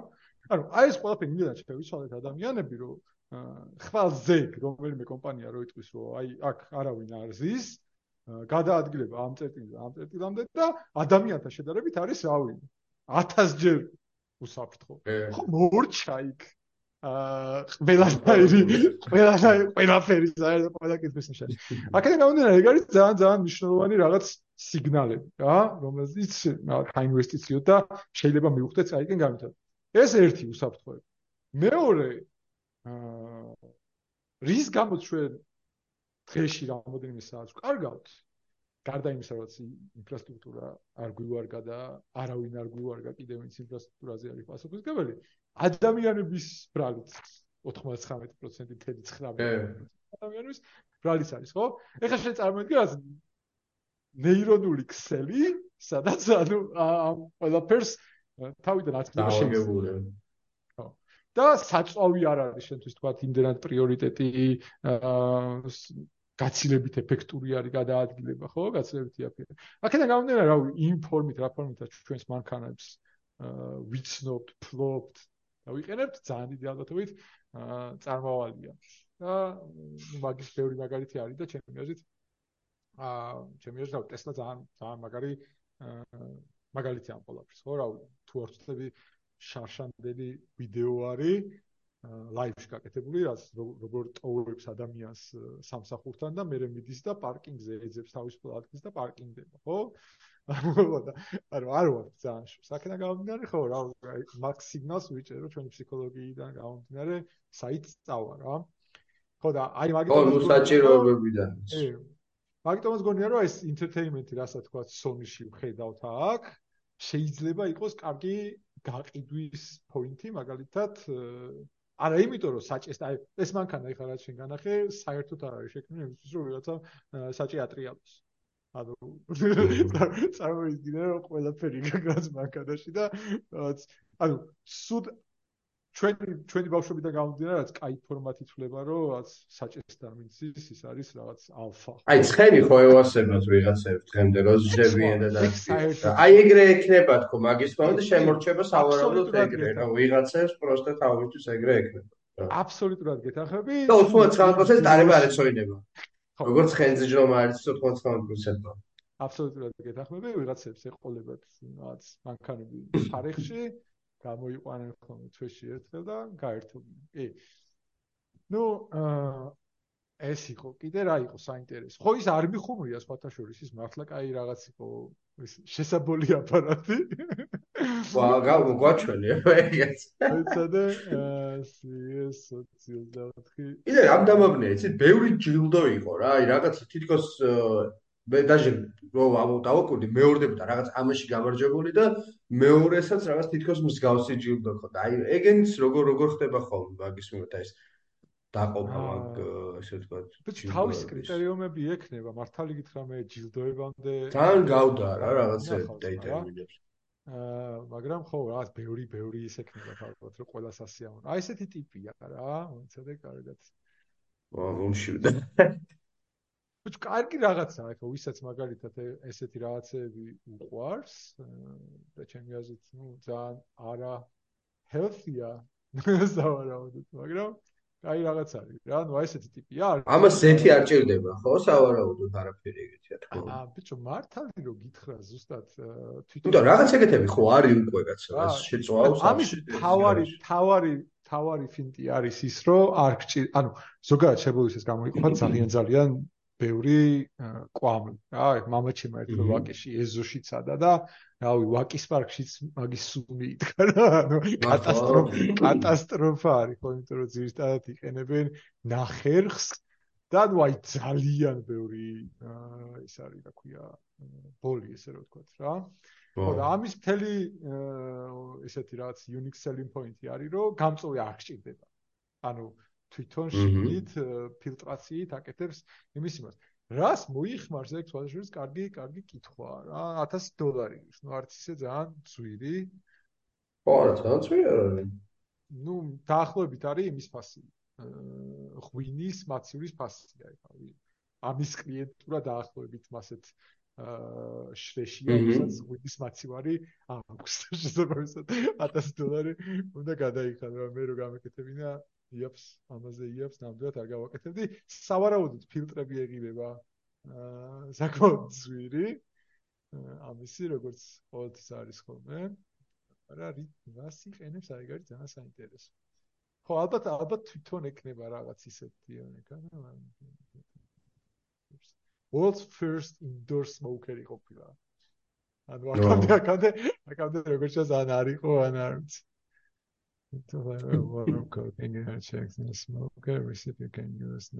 ხო preset-ები აქვს ეს ძალიან მნიშვნელოვანია ძალიან მნიშვნელოვანია იმიტომ რომ აი ესე მაკედან ვიცი რომ აი მაგალითად თევზე სხვა ის არის იმაზე სხვა რა დროები და ყველაფერი.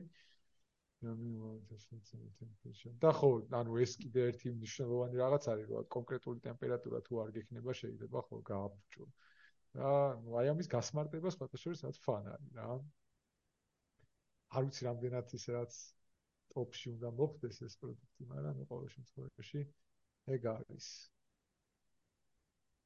ხო, და თავარი არ გითქვია, არ ვიცი როგორ გამოგჩა, ანუ თავარი, რა ქვია, star of the show, როგორ ეძახიან ხო? კი, რაზეა, ხო?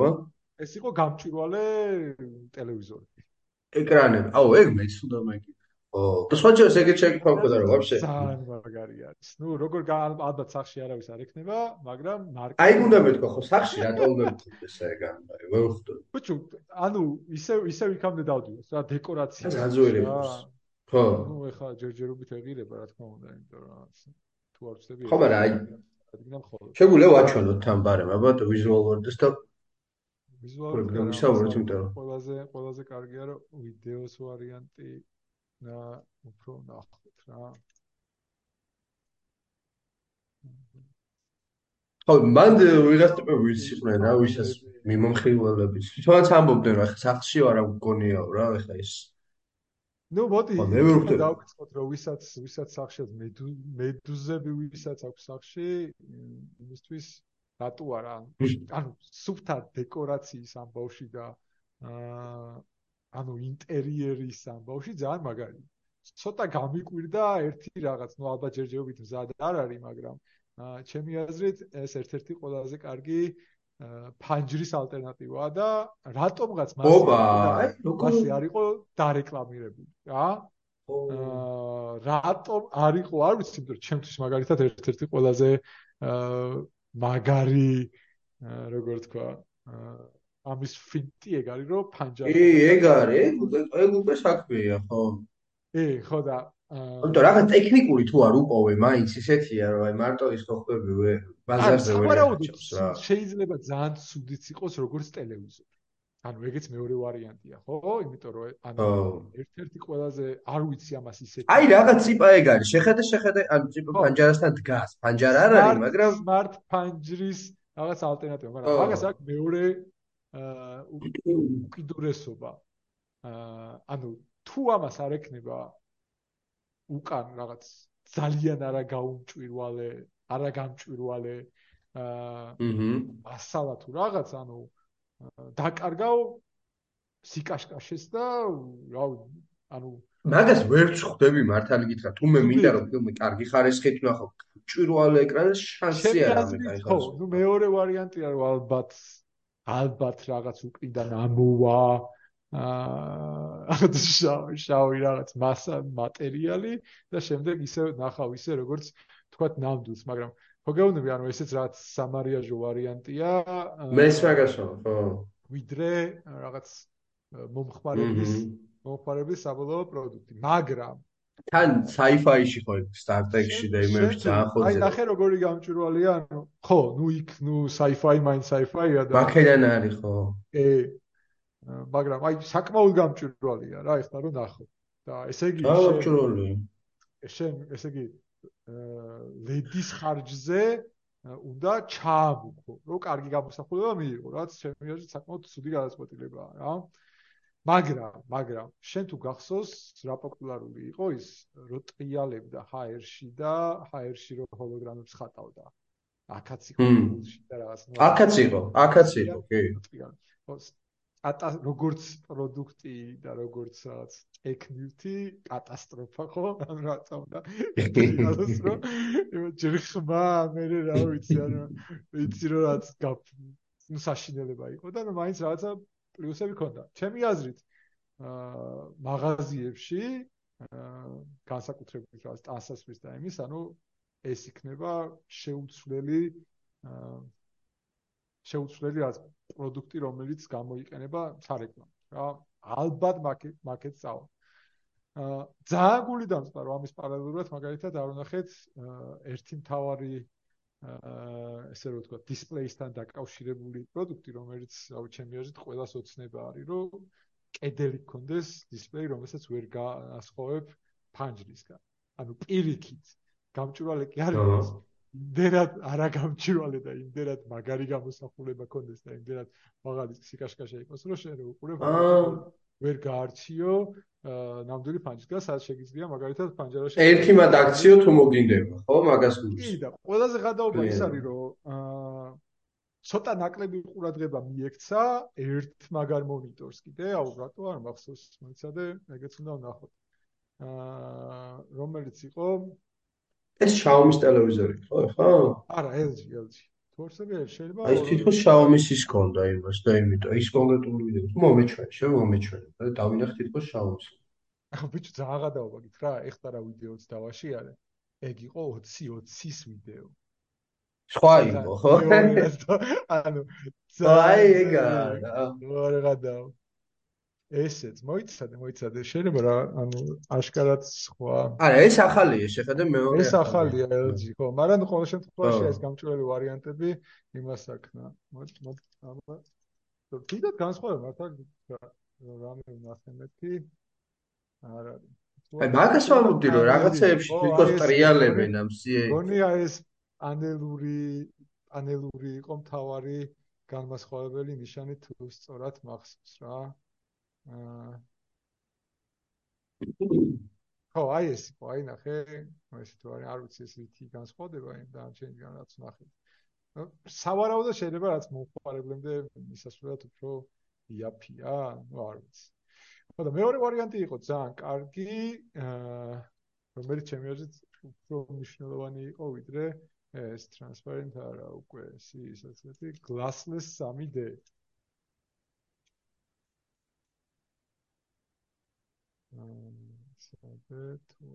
გეიმინგის მონიტორია? ე აა ესეც რომელი იყო ეგ არის საინტერესო. ხო ანუ თელი მუღამი იყო რომ თუ გახსოვს შენ Nintendo-ს ქონდა ის რა ქვია აა პატარა device-ი რომელიც გაძლევდა 3D გამოსახულებას აა სათვალების გარეშე. აჰა. გახსოვს ეგ ვარიანტი? ძალიან ძალიან ის იყო. აა არა. როდის იყო? ადრე ადრე ძველი პროდუქტი არის რა. ესეთი პატარა მოწყობილობა იყო Game Boy-ის მსგავსი, Nintendo-სი, Nintendo 3DS-ი ერქვა თუ გორს თემიც რა. ო. და 3DS, არც ერთი სიტყვა სწორად ვერ ჩავწერე თუ გადაო, ფეომენ. აი ეს აი ეს device თუ გახსოვს, ამას ქონდა ერთი ეგეთი მაგარი ფუნქცია. იყო 3D და სათვალე არ გჭირდებოდა გამოსახულებაში რა. ძალიან იყო, ძალიან ძალიან გადაობა იყო, რომ შეხედავდი ეს ზევიდან დარბოდა რაღაც ტიპი. და ეს ტექნოლოგია გადმოიტანეს მონიტორში რა. ანუ აი ხა აი ამას რო უყურებ, ეს აქ დაცულავს.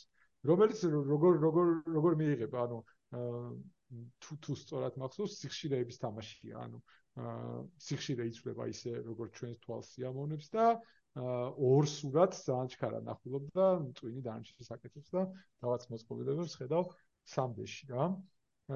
ჩემი აზრით ეს ეს ტექნოლოგია ნელ-ნელა წინ წავა. იმიტომ რომ რაც არ უნდა მაგარი ან ძალიან დიდ გეგმებს აა ოშებით რა ქვია ვაწყობთ თუნდაც თუნდაც იმას რა ქვია Apple-ის headset-ზე რომელიც ისეთ ძიმეა იცი რა და მაგაზე შენ შენ თუ გასოს მეცადე ეს ნახა Apple-ის VR headset-ზე მაქვს საუბარი. ანუ Apple-ის VR headset-ი რომელიც და ანონსეს. Headstrap-ი გახსოვს როგორ გამოიყურებოდა? თუდად. გაგახსენე. აი ესე გამოიყურებოდა headstrap-ი, რა? აა, უი, უი, უი, უი, კი, კი, კი. ო, ძალიან, ძალიან უნიკალური რაღაც იყო. ხოდა ძალიან მაგარი რაღაც მოხდა. იმდენად ძიმე არის მოწყობილობა. აა მართლა ხუთში მოყვება მეორე ჰედსტრეპი, რომელიც თავზე ესე ესე იკეთა რა, სავარაუდოდ. ამან არ გამ, ანუ თან ვერც შეცვალეს ბოლომდე რა. ანუ ვერ ვერ ეგეთი ჩავალ, ეგეთი ფეილია. ბიჭო, ფეილი არის თუ არა, ჯერ მოდი ესე ვთქვა, არ ვიცით რა. აა იმიტომ რომ 3500 დოლარი ღირს. ჩემი აზრით საერთოდ მომხმარებელზე გათვლილი ფასი არ არის. აა ჩემი აზრით სპეციალურად გააკეთეს ესეთი ფასი, რომ ძირითადად იყიდონ რა ქვიათ იმათ დეველოპერებმა, ანუ იმ ადამიანებმა, რომლებიც ამისთვის შექმნიან აპებს. ჩემი ძალიან გრმარწმენით მაგიტო არის ანუ ფასით შეზღუდეს ძალიან რაოდენობა. იმიტომ რომ ეხლა რავი ახალი ინფორმაცია რომ Netflix-იც კი არ იქნება launch-ისას ამ VR-ში. რაც მაგალითად ერთ-ერთი ყველაზე მთავარი გაყიდვის წერტილი არის ზოგადად VR headset-ებში რომ მაგალითად რაც შეგიძლია ვიდეოს უყურო დიდ მონიტორზე რაც აბსოლუტურად ტყუილია აა რავი ყოველას არავის არ უჩევ რომ VR headset-ი ვინმე მიყიდოს იმისთვის, რომ headset-ში უყუროს ფილმს. კატასტროფა მოხდებით. აა ორი დღის ვეც ვერ გაკაჩავთ. ერთადერთი VR-ის ფუნქცია არის, რომ ვირტუალური რეალობა შეიგრძნო და მიხვდე, რომ მაგალითად საიტგან ვითარდება აა ზოგადად entertainment-ი. საიტგან წავა. იმიტომ როგორც კი შენ ამ ამ სათვალეში ითამაშებ, რავი, Half-Life-ს ან Beat Saber-ს ყველაზე მარტივ თამაშს მიხვდები რომ უბრალოდ სხვა ალტერნატიული გზა არ არსებობს გარდა იმისა რომ ფლიადად ჩაიშვა თამაში რა ანუ თელი ინდუსტრია მილიარდებს და ტრილიონებს დახარჯავს ამ მიმართულებით განვითარებაში რა მაგრამ ანუ სრული პასუხი ვიძახი რომ ვიძახი რომ ფილმის ამაში ყურება არ არის ის end product-ი რაც ვიარს ეცედებს გადას აქედან გამომდინარე ხო ჩემ ეს ამ ეტაპზე თუ მომავალშიც ფიქრობ რომ ვერ ვერ გაკაჩავს ანუ სანამ device-ი არ იქნება კომფორტული მანამდე ვერ გაკაჩავს რა. ჯერჯერობით ეხლა გეტყვი რა არის. გამოსახულება არის იდეალური განსაკუთრებით ისე device-ებს რომელსაც თვალის tracking-ი აქვს. შეგვიძლია ჩავთვალოთ რომ ოკეია მაგრამ თავზე ანუ თავზე გადის რაღაც რომელიც არ არის კომფორტული რა ანუ სახესთან ახლოს გაქვს რაღაც რომელიც ადამიანის ბუნებრივი მდგომარეობისგან იმდენად განსხვავდება რომ მაინც გაქვს პრობლემა რა. აქედან გამომდინარე ხო თვითონ device-ი არის ბევრად შესაძლებელი და კაცმა არის მაგალითად device-ის მხარეს განვითარდება თუ იმპლანტის მხარეს განვითარდება ეს გართობა რა. ანუ ეგ ეგ კიდე არ ვიცით. საერთოდ წაიღო ხო ეგ ვაფშე ცალკე თემა კი ხო იმპლანტების კონჩო ძალიან მაგარია ძალიან მაგარია ძალიან მაგარი გამოსილებაა ძალიან გაერთობი.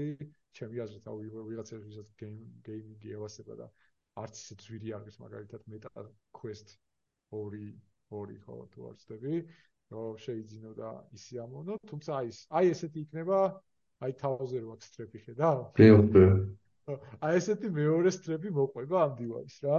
ნუ პლუს ერთი ის უნდა თქვა რომ ანუ ეს ძიმე გამოვიდათ რა ზოგადად ეფს არ უყარს პლასტიკის გამოყენება და ანუ ხარისხი კარგი იქნება და შესაბამისად არის რომ აა შესაბამისად არის რომ ძიმეც არის რა. მაგრამ ნუ აი საკმაოდ ძიმეა. ვისგანაც ვისი ისიც მოვისმინე ფიდბექი იძახიან რომ აი იმ წამს როგორც ყუთიდან ამოიღებ ხდები რომ რაც გაიშარე. კისრის კონტები გჭირდება. ხო და რავი 3500 დოლარი აი გორი გორი პრაის პოინტია იცი ისეთი პროდუქტისთვის რომელიც თან ყველაზე გადაუდა რა არის არავის არ გამოუცდია მაღაზიაში როგორია. ანუ რევიუს ახლა ვერ ნახავ რა. ანუ ჩვეულებრივ ისეთ ნორმალურ რევიუს ამისას ვერ ნახავ.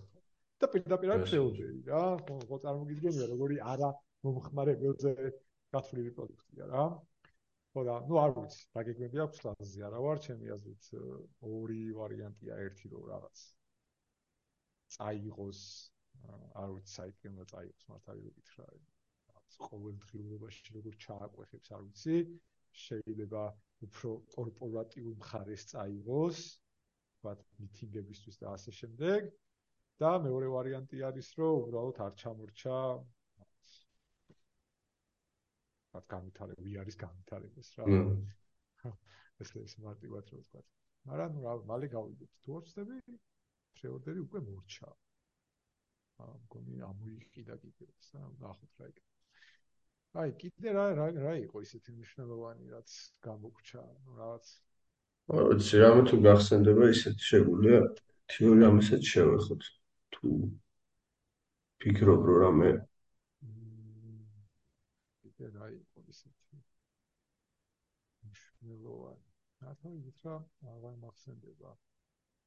გაიყო იქ კიდე რაღაცეები ისეთი მაგალითად აა ბალიშთან ერთად იყო მატრასი ჩვიანი და ეგეთ რაღაცება ეგენი ძალიან ის არის რა ბიჭო ეგ როგორ იყო იცი? რამდენი ტრიალებს ტრიალებს. რამდენი სამ გამიცხარა ძალიან მაგარია. ანუ შენიც უნდა გამოცადო რა ამიტომ არ ვიცი აა ხო თუ არ ვწდები ახალი სერია 4070 სუპერი გამოიტანა Nvidia. აა ის რა ქვია ვიდეო ბარათების. ეგ ეგ ძალიან დიდი ის იყო იმიტომ რომ 600 ანუ აა ესე იგი ჩვეულებრივ 4070-ზე უფრო იაბიღირს ახალი 4070 სუპერი 600 600 დოლარი დაანონსა. რაც ძალიან მაგარი ფასია ესეთი რაც კარგი ვიდეო ბარათისთვის, ეგ იყო კიდე ერთი კარგი. აუ, ფათიშევის მაგასთან საერთოდ სხვა თემას გადავდივარ. დღეს იყო გაგრას ნახე, მახსოვრობის ბარათები რო გამოუშვა ფრანგულმა კომპანიამ რომელიც ინახავს ამ მონაცემს DNM-ში, რა ვიცი, თუ იცი ანუ ზოგადად ეგ მიმართულება რა. ეგ მიმართულება ძალიან საინტერესოა, იმიტომ რომ DNM-ში ხო იცი რომ ძალიან პატარა იმაში არის შენახული ძალიან დიდი ინფორმაცია რა. აა აი, რო გაშალო იქ წარმოიდგინე ზოგადად რა, ანუ მთელი აი ათასობით ტომის ციგნი გჭირდება რა ინფორმაციაც აი უხილავ იმაში არის ჩადებული DNM-ის დონეზე და ეგ ძალიან დაინტერესებულია ტიპები, რომ ციფრული ინფორმაციის გადატანოლები ერთებს და მოახერხონ DNM-ში და პირველი სტარტაპია ეს, რომელსაც ფრანგულ სახედ bio აუ ბიო რაღაც ქვია, მოკლედ რომელი ბიომემორი თუ რაღაც ეგეთი, რომელმაც შეძლო რომ DNM-ში ტიპება DNM-ში შეინახეს წარმოიდგინე ინფორმაცია და კიდიან ეხლა და არის რა პოტენციალი აქვს, მაგრამ თემა ძალიან საინტერესოა. კი, უბრალოდ რა ო, არის აი ესეთია რა, CS უხდება რა, ჩვენ როდის დავარ გასაგებია. ხო, CS-ը უნდა ყოფილიყო, რა არის. ხო, ნუ აუ, გეტყვი რაში გამოიყენებ? ანუ ულევად დიდი ინფორმაციის შენახვა შეგიძლია წარმოიდგინე და ახო თუ ანუ არიკარგება რა, ანუ უსასრულო დიდხანს შეგიძლია გქონდეს. თუ გამთარდა ეგ ტექნოლოგია რა თქმა უნდა. აი, ეგ ვარიანტია რა, იმიტომ თეორიულ დონეზე, თეორიულ დონეზე შეგვიძლია wormhole-ი ავაკეთოთ და ვიმოგზავნოთ.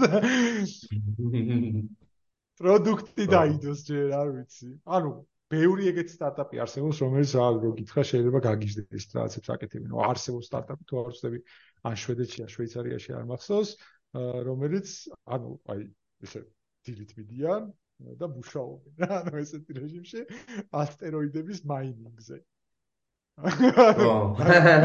ანუ წარმოიდგინე რა ტესტის ასახულია. არც ისე არ რეალურია სხვათა შორის. ეხა აი ბენუდან ხო წამოიღეს. მაგას გეუბნები. ეხა ბენუდან წამოიღეს ტიპებმა. წარმოიდგინე ის ის არმაგედონი ხო გავს ანახი რუსული სიოთალოს. აი მაგ ხოდა ტიპებმა გაუშვეს. არ აქვს დანახი პირდაპირ და გაუჩიშო არასოდეს აღარ უნდა დაელაპარაკო, დააბლოკო არ ძალიან საშიში იქნება. ხო, ანუ მოგეთან რა.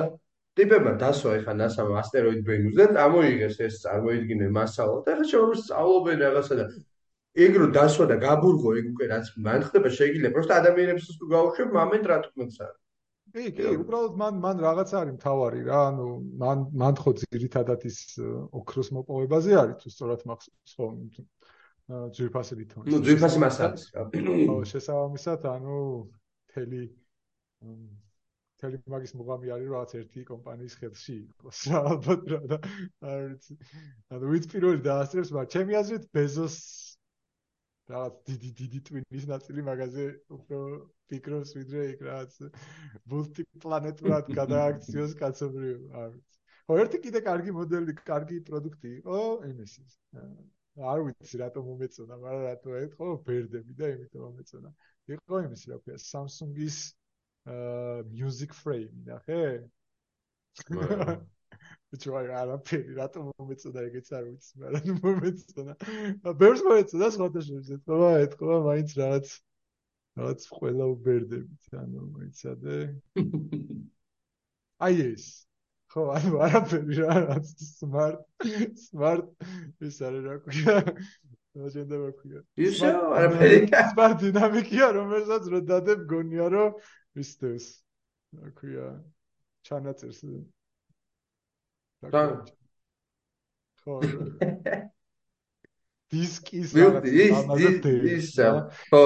სავარაუდოდ იმათ იმ ადამ იმ კატეგორიას მოეწონა ვისაც მოსწონს ამათი ფრეიმ ტელევიზორები Samsung-ის. სერია თუ ვიცი. ესეც თუ არც CES-ის პროდუქტი იყო მოიცადე ესეც ნახოთ. Samsung ანუ რაღაც ვინილის პონჩია ხო ზუსტად ხო ვინილი ვინილის ვიძე არის რომ დადებდა სინამდვილეში არის სმარტინამი აი ეს იყო Samsung-ის ფრეიმი რა. ანუ კედელზე კიდევ და როცა ტელევიზორი არ არის არის სურათი რა. ანუ აი მართლა მართლა ჩემი აზრით ძალიან აი ხა წარმოიდგინე.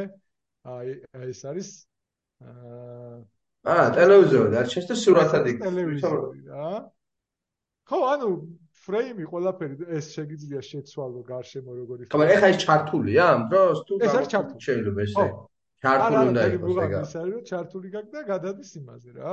ნუ ელექტროენერგიის მოხმარება დიდი დიდი პრობლემა ამისი არის. მოდი აი კარგად რო განახო და ახლობით ესე გამოიყურება და ჩემი არ ვიცი ჩემს გემოვნებაში ძალიან ჯდებოდა. ნახე ფრეიმები იყიდება ცალკე. ანუ როგორი სურათის ფრეიმი გინდა რომ აა მეუღრე. აი ეს ყველა არის ამ ამ ამ ტელევიზორის ის და ნუ თუ არ ვწდები ცოტა სხვანაირი ეკრანიც აქვს.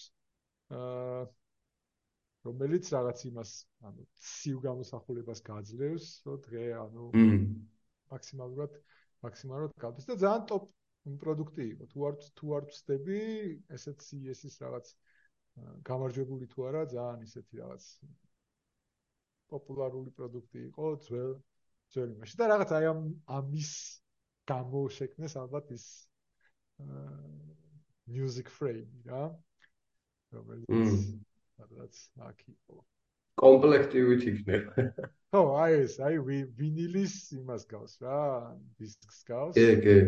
რომელიც გედება და ის. აი, რაღაც ძალიან კაი ჩამონაცვალი იყო კიდე, ну, ლეპტოპები ალბათ აღარ გვიკვირს.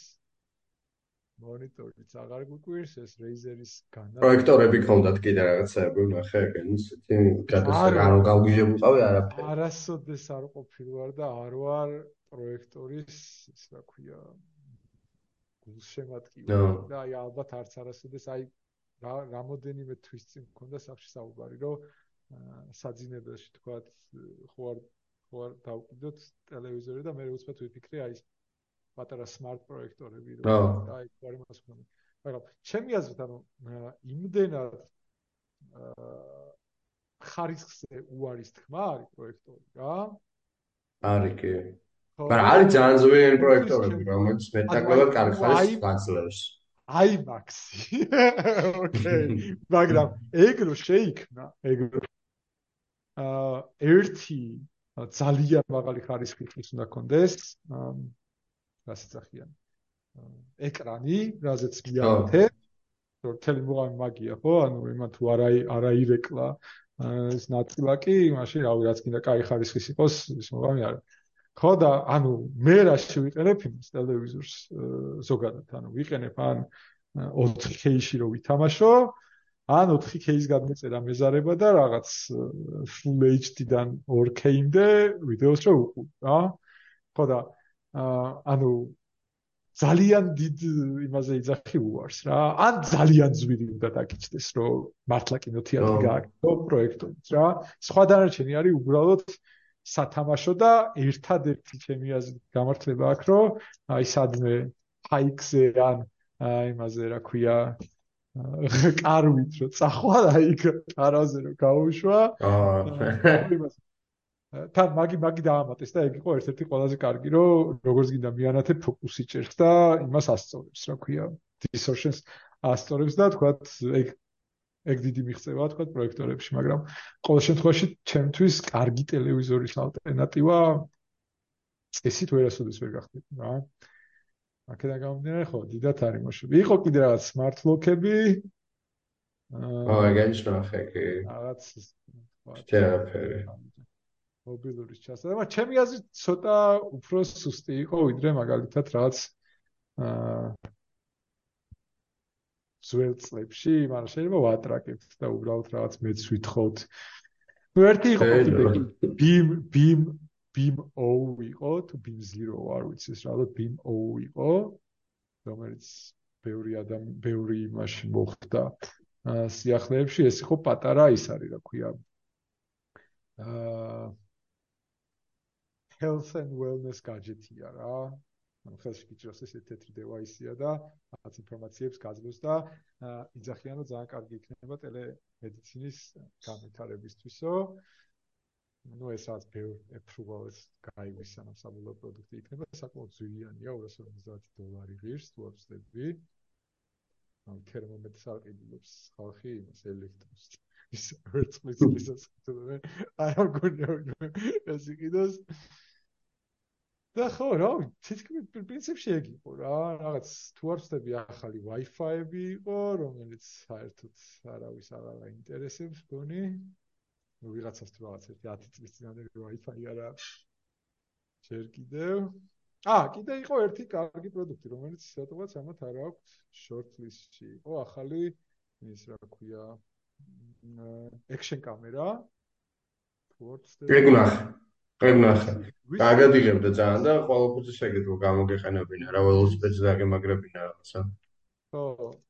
ზოგადად ყველა მეწოდება ხოლმე ვინც action კამერის ბაზარზე შემოდიოდა, განსაკუთრებით რამოდენიმე წლის წინ, იმდენად წარად იყო GoPro ამ ბაზარზე, მაგრამ რა Insta 360-მა აჩვენა, რომ შეიძლება ძალიან მაგარი იყო ძალიან ბევრი წელი და უცბად კონკურენტი ისეთი გამოგიშდეს, რომ დედა გიტიროს. ხო, Insta 360 არის ეგეც. ჰმ. ეგ ახალი კამერა. მართალი გითხრა, აი ერთ ერთ-ერთი ის პროდუქტი არის action camera, რომელიც ჩემთვის რაღაც ბრენდის ლოიალურობამ გადაწია და ზუსტად 3 დღის წინ ძალიან ბევრს ფიქრობდი Insta-მა მეკიდა თუ GoPro და საბოლოო ჯამში მაინც GoPro ვიყიდე. აა გათვიცნობიერებულად არასწორი გადაწყვეტილება მივიღე ხარისხის მხრივ, ანუ სასახად Insta ჯობია. უბრალოდ form factor-ი რაღაც ჩემთვის მიუღებელი იყო და თქვა ამ შემთხვევაში ეს ვიყიდე და აი ეგ აქ ცუდი რა. აი GoPro-ს, Red Bull-ს და რაღაცებს ისეთი ბრენდებია, რომლებიც იმის გამო არ გიყვარს, რომ კონკრეტული მონაცემის გამო არ გიყვარს რა, გიყვარს აა როგორ თქვა, ისტორიის და იმის გამო რაც ამან გააკეთა, ხო? აუ, ჩემი აზრით აი ეს ორი ბრენდი Red Bull-ი და GoPro ზოგადად სპორტის განვითარებისთვის და ასევე გვანახა რა შეუძლია ადამიანს რა. ნუ ჩემ ჩემთვის ეგ ძალიან ძალიან ძალიან მნიშვნელოვანი იყო, რომ ამ ორი ბრენდის წყალობით მე ვნახულობდი, რომ მართლა ისეთი ანუ მართლა შიმპანზეები არ ვართ და ანუ საკმაოდ მაგარი რაღაცეების გაკეთება შეგვიძლია. ხო, კაცმა არის ის GoPro და Red Bull-ი რო არ ყოფილიყო, ის რო წასულიყო და სტრატოსფეროდან გადმოხტარი. რა, კაცმა არის ის გადმოხტებოდა თუ არა?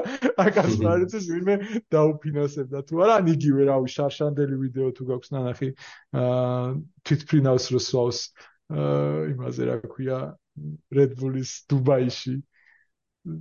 აა, გასწავლი, სასწაული, სასწაული ვიდეო ამერე ჩაგიგდებს, ანუ არ ვიცი რა ქვია, პროპელერიანი ერთკაციანი არის შეჯიბებს რაც ხო, მაგი მაგი სვა სვას თუ ფრინდება ეგეც აღარ მოხსნი ორივე საკეთებს. დუბაიში რაღაც შენობაზე მოიცადე ვაფშე ნახოთ თუ ვინა იმიტომ ძალიან მაგარი ის არის. ნუ. ხოდა, აი ეს ისეთი ბრენდებია, რომელსაც რაღაცეებს პატიობ რა და ესე ესე თქვა ო ლენდინგი არის ლენდინგი არის სასწაული არის ეს ის მიდივარი ალბათ ჩემი აზრით ერთ-ერთი. რა შეუძლია კაცობრიობას? აი აი ამ ვა არ მინახავს ეს ვიდეო ვერტფრენის დასაჯდომზე სვავს. ცეცა რო არ გაგვი არ გიმასაკნას აა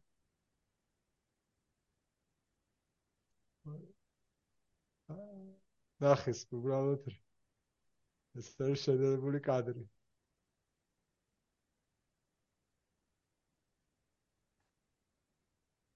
ვა. სხვათაშორის ვიღაცამ გაიმეორა Microsoft Flight Simulator-ში ეს ტრიკი. თამაში. ანუ ეგეც არის ხო და ამიტომ არ მარსელოს რასფერები სადაც შესვლა საკმაოდ რთულად წარმოგვედგინა, მაგრამ ნუ ვიღაც ბრენდები არიან ის მაინც. თავისუფალი ბაზარი მაინც რაღაც თავის კონში სასწაულებს აკეთებს ხოლმე რა და პატარა შეცდომასაც კი არ პატიობს ვაც არ პატიობს კონკურენციას. ეგ არის მაგალითად Insta 360-ის როგორც ბრენდის ასე ცუდი სიტყვა არ მინდა ვთქვა გამოჩენის გამოვარდნის ესე ვთქვა ისტორია რა. მოკლედ რა გონი ეს ყავს მნიშვნელოვანი. ეგ იყო კი, საკმაოდ პატარა-პატარა. ბევრასზე ვიღაპარაკეთ მე მგონი. კი, ცოტა ცოტა ისეთი რთული თემა, აა, როდესაც იქ არ ხარ და რაღაც უნდა შეაგრო. აა, რობოტი, რობოტი კიდე, Samsung-ის რობოტი. აა, რომელიც წარადგინეს, ნახე, ალბათ ნახე, იმიტომ რომ ეგ ძალიან მნიშვნელოვანია. კი, კი, ეგ რობოტი ნახე. იპო, თუ რა ერქვა? იპო აღარ მახსოვს სახელები ეს იყო ბალი ბალი იპო სხვა რაღაცა ყვითელი პატარა რობოტი რო იყო კი კი ესეც გავოსტი და ეს ტიპი დადიოდა საყვაროდ კი აი ეგ ხო, თურმე ძველ CS-ზე ყოფილა თუ არ ვწდები 2022-ზე, თუ არ ვწდები, მაგრამ ნაღდათ არ მოსულა და რაც მეგონა რაც ისე. ხო, რას ადრეც იყო? ხი, ადრეც იყო, თქვენს უბრალოდ ეხლა უკვე ეშვება გაყიდვაშიო და ამიტომ მაინც მას გაიგონი. გაიგონდა წარმოიდგინე. ჩემი აზრით ძალიან კარგი მოწყობილობა მათთვის, ვისაც სახში ყავს ცხოველები რა. ანუ რაც განსაკუთრებით ისეთი ჯიში რომელიც აღშეაცებს აფუჭებს მარტო მაგითო შეიძლება ეს კალდის რესპექტს და ეჩხუბოს ხო ალბათ თავის სხვა ხა არ ამიგებს ამ რობოტმა ბევრი რაღაცები შეძლეს. იდეაში ფუნქციურ დონეზე რა არის? ცოტა მაყურებს რასაკეთებს აა ნუ ბიჭო ასისტენტად არეკლამირებენ ძირითადად აქვს პროექტორი და ყველა რეკლამაში არის ძაღლთან ერთად დარბის რა. სავარაუდოდ მაინც ეს unit selling point-ი იქნება ძაღლი არ იქნება მარტო სახში that's that's მათთვის ვისაც ძაღლი ყავს ან კატა ყავს საკმაოდ მნიშვნელოვანი პროდუქტი შეიძლება იყოს ნუ ანუ შინაური ცხოველის ძიძაა რა რაღაც ჩემი ჩემი აზრით საუკეთესო ვარიანტი მაგ პოზიციაზე დაასრულებს ეს ეს პროდუქტი თავის არწევობას. ეგეც ყველაზე კარგი ვარიანტი, არ ვიცი ნახოთ. აა და კი ეგ იყო რა. კი ბატონო. მადლობა, მადლობა. არ ქონდა არაფერი ის მნიშვნელოვანი არ ქონდა. მადლობა შენ. მადლობა რომ თქვენ ერთად იყავი, რა რაღაცები. თქვენახებ აა მე მგონი ვინც სიტყვაზე ვერ ნახა ეს რა რაღაც რამდენი წეცა თუ ჩვენ პოდკასტ ნახავ და რაღაც საინტერესოს გაიგებდა რა და ამის გარდა თუ ვიღაცებს საინტერესებთ შეუძლიათ YouTube-ზე ესე ვთქვათ ნახონ და ასე. ჩვენ ძალიან ბევრი ვიდეოა უბრალოდ იქ და იბნები რა რომ ჩაწერო და რაღაცები. იბნები იმიტომ ყველა თავისი სლაპარაკობს და მე შეიძლება რაღაც ბევრი ვიდეო ნახო და უნდა დასერჩო რომ რაღაც worst items on CES და შეიძლება უბრალოდ ფანტასტები ნახო იმიტომ რომ ერთი ნახვით მაინც რაც ტოპ აი ამ პროდუქტებზე რაც ვლაპარაკობ ეს პროდუქტები იქნება ძირითადად რა. კი ბატონო მადლობა კიდევ ერთხელ. მადლობა შენ. მადლობა შენ და ორბოს გიყურა და მოგუსმინა და დავიჩავ შემდეგ